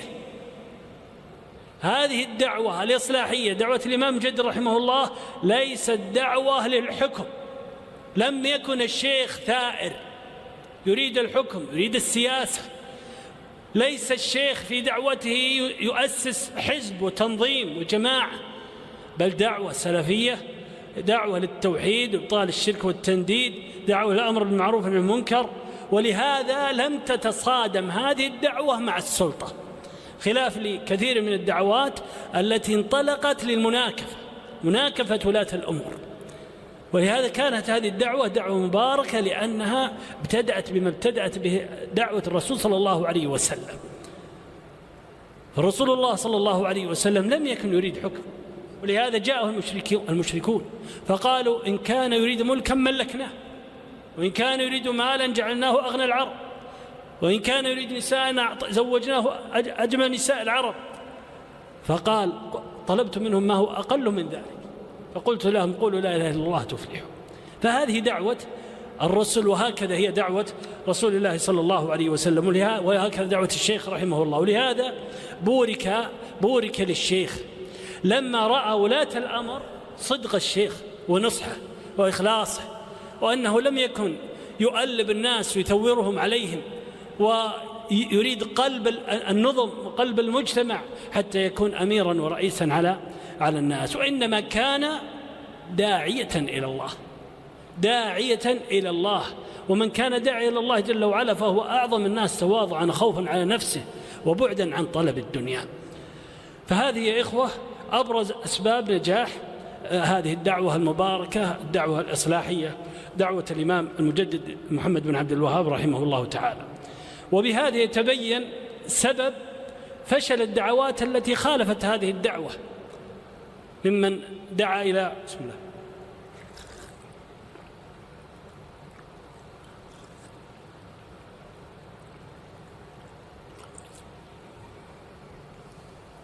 الحمد لله. ممن دعا إلى ما كان مخالفا لعقيدة السلف من الدعوات الوافدة. فإن الدعوات الوافدة التي تزاحم هذه الدعوة لو كان فيها خيرا لدعت إلى ما دعت إليه دعوة الشيخ محمد بن عبد الوهاب رحمه الله من هذه الأصول العظيمة. ولكن لما لما كانت مخالفة لدعوة الشيخ رحمه الله وفيها حنق على هذه الدعوة كانت تزاحم هذه الدعوة. ومن ثمارهم تعرفونه. ولهذا كانت دعوة الشيخ دعوة أمن وسلام وائتلاف. ولكن هذه الدعوات الوافدة المزاحمة دعوات فرقة ونزاع واختلاف. فكان من أثر دعوة الشيخ ائتلاف الحاكم والمحكوم ومن أثر الدعوات الوافدة وجود النزاع والاختلاف والضغينة بين ولاة الأمر وبين الناس. حتى بين الناس بعضهم من بعض حلت حلت الفرقة والنزاع والاختلاف بين بعض المنتسبين للعلم كله بسبب هذه الدعوات الوافدة. لكن دعوة الشيخ لما كانت دعوة لكتاب الله وسنة رسوله صلى الله عليه وسلم كان أهلها أهل ائتلاف آه، وارتباط ووئام. وما ذاك إلا إلا من بركة أصلها وبركة أساسها التي قامت عليه وهو كتاب الله وسنة رسوله صلى الله عليه وسلم. الدعوة والدولة قرينان. الدعوة والدولة قرينان. انتبه لهذا. إذا ذكرت الدعوة الإصلاحية دعوة الشيخ محمد الوهاب رحمه الله فتذكر الدولة السعودية. لأن الدولة السعودية التي أسسها الإمام محمد بن سعود رحمه الله إنما قامت إنما قامت على أثر هذه الدعوة المباركة دعوة الإمام المجدد محمد محمد بن عبد الوهاب رحمه الله تعالى. ولهذا ضاق خصوم الدعوة وخصوم الدولة بذلك فحاربوا هذه الدولة. في طوره الأول والثاني ولا يزال ذلك كل هذا لما قامت به هذه الدعوة الدولة المباركة من هذه الدعوة الإصلاحية آه، دعوة الإمام المجدد محمد بن عبد الوهاب رحمه الله. حتى قام الملك عبد المصلح عبد العزيز بن عبد الرحمن الفيصل رحمه الله تعالى بتأسيس هذه الدولة السعودية الثالثة في سنة 1319 فقامها على على أثر هذه الدعوة الإصلاحية المباركة. فنحن, نت... فنحن ببركة الله جل وعلا ثم بركة الأساس الذي قامت عليه هذه الدولة الدولة السعودية على أثر هذه الدعوة الإصلاحية. ومن يا إخوة هنا نعيد. من عرف حقيقة حركة الملك عبد العزيز رحمه الله وعرف ما قام به من مكاتبات ومراسلات مما هو مسطور ومدون ومشهور ومعروف عند المهتمين عرف صلاح هذا الرجل وصدق نيته في في إصلاح هذه البلاد وإقامتها على أثر الدولة السعودية الأولى والثانية وما كان عليه الإمام المجدد رحمه الله تعالى من من دعوة التوحيد. من ذلك؟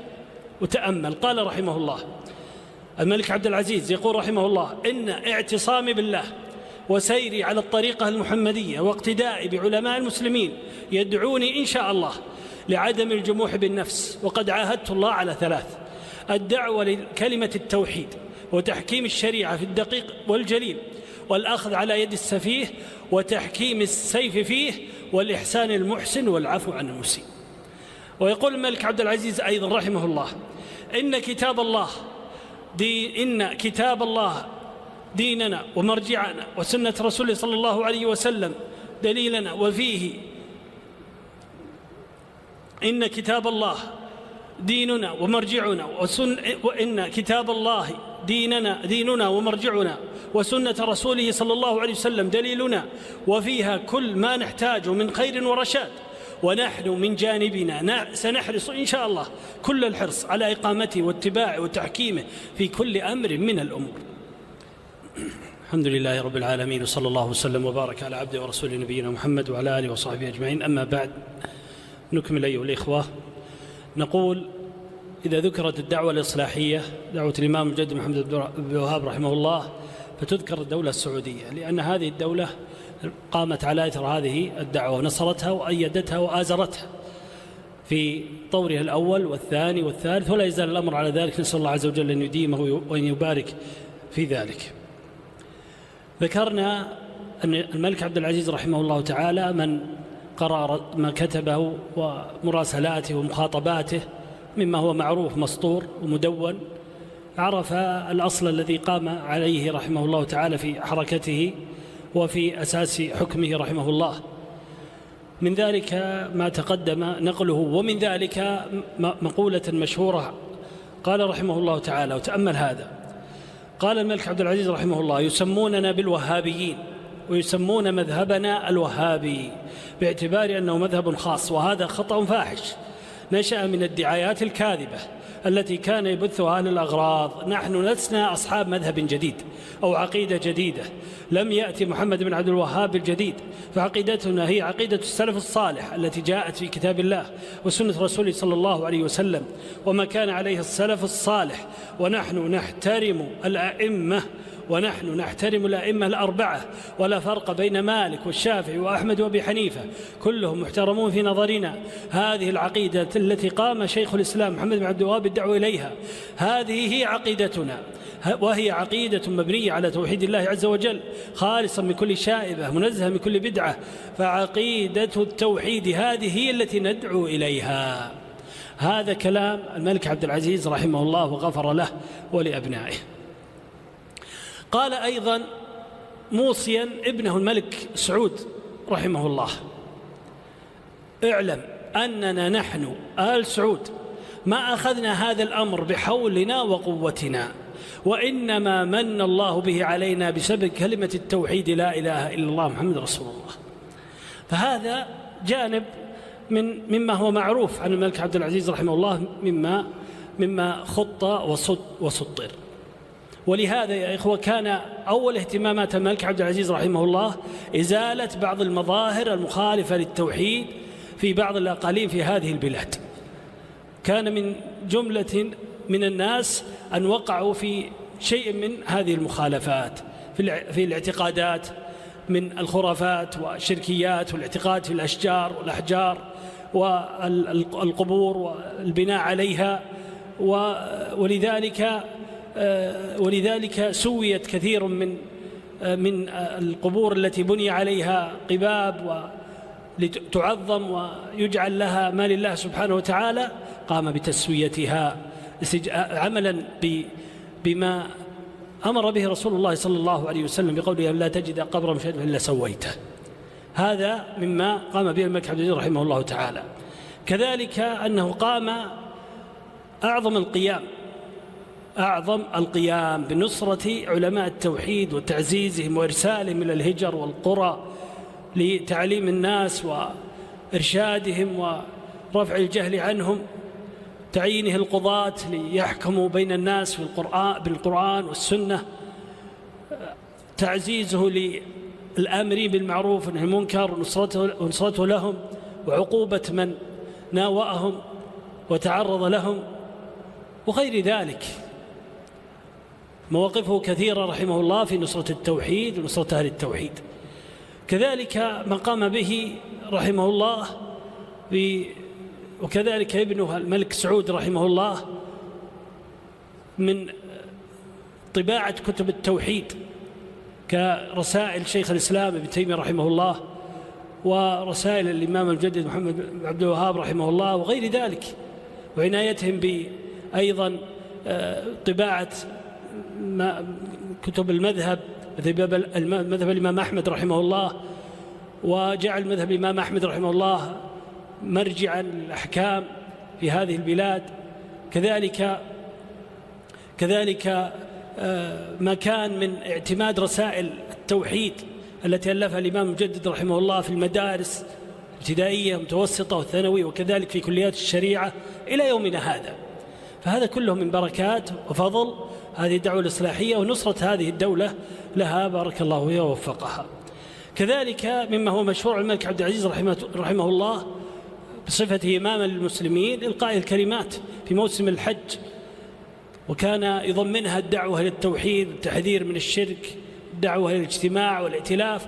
ولهذا من مما تقدم ذكره وهو وهو وهو من ركائز وأصول دع كل دعوة إصلاحية.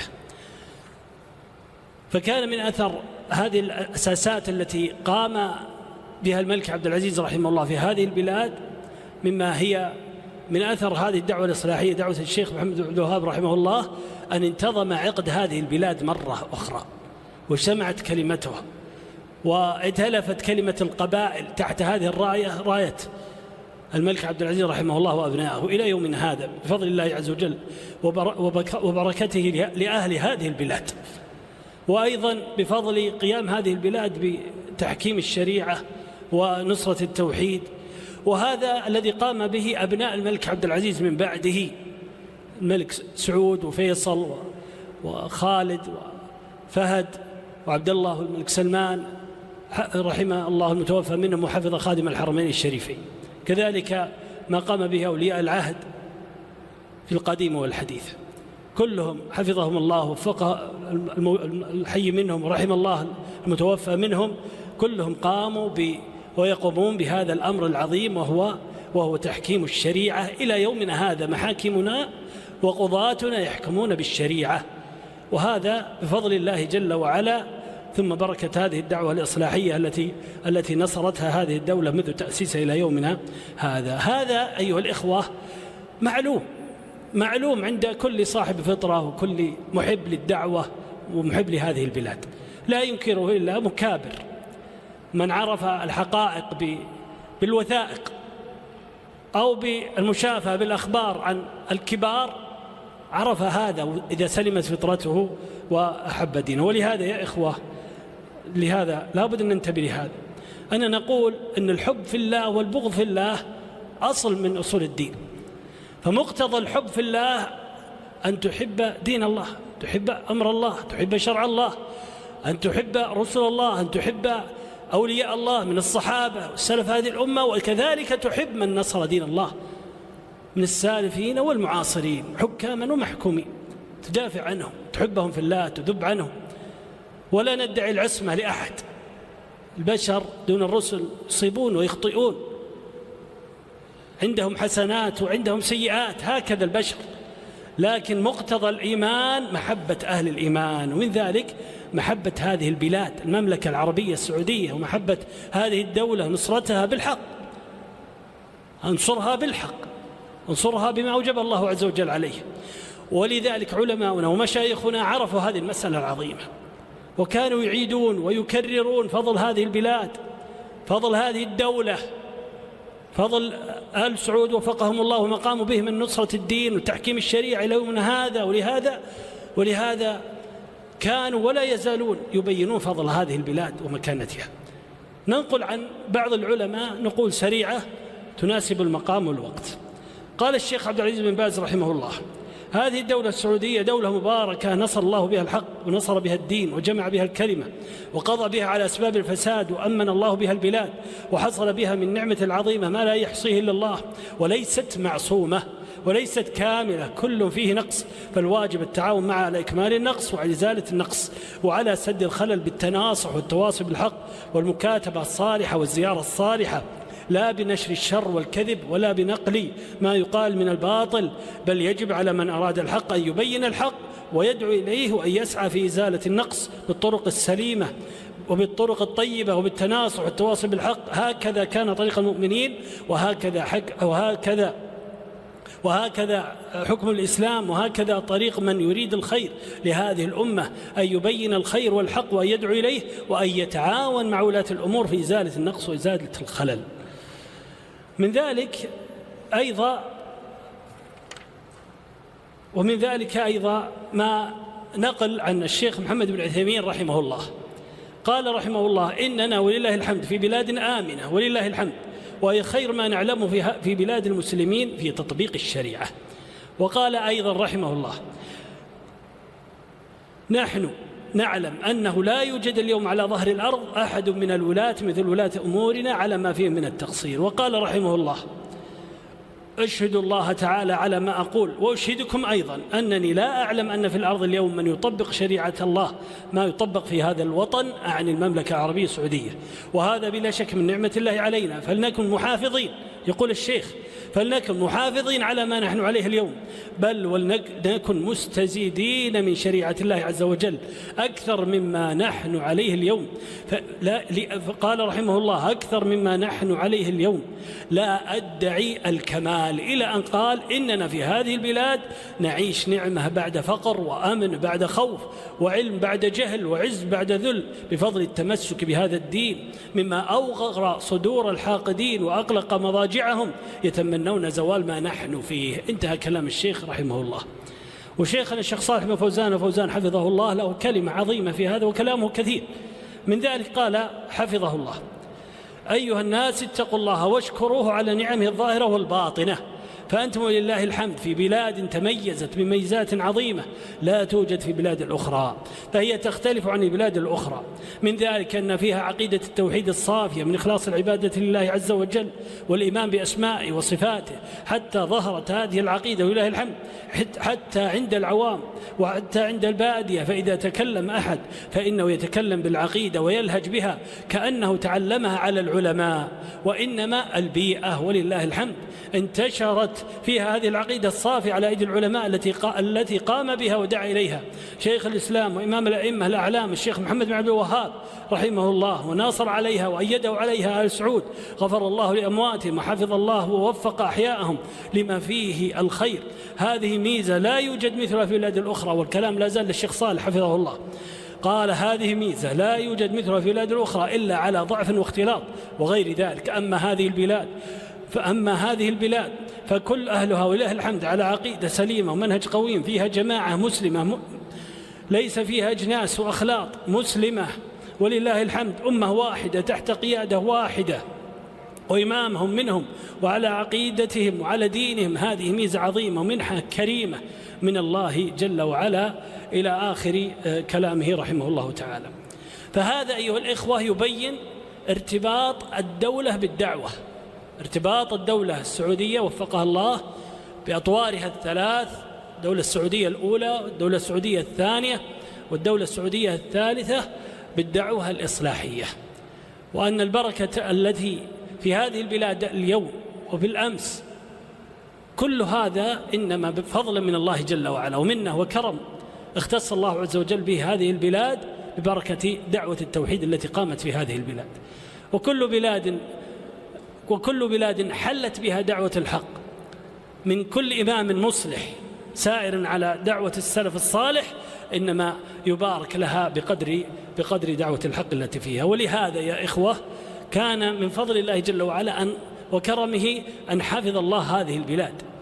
وبسط لها الأمن وأظهر عزها وقوتها وكلمتها وهيبتها. هذا كله نعمة من الله جل وعلا.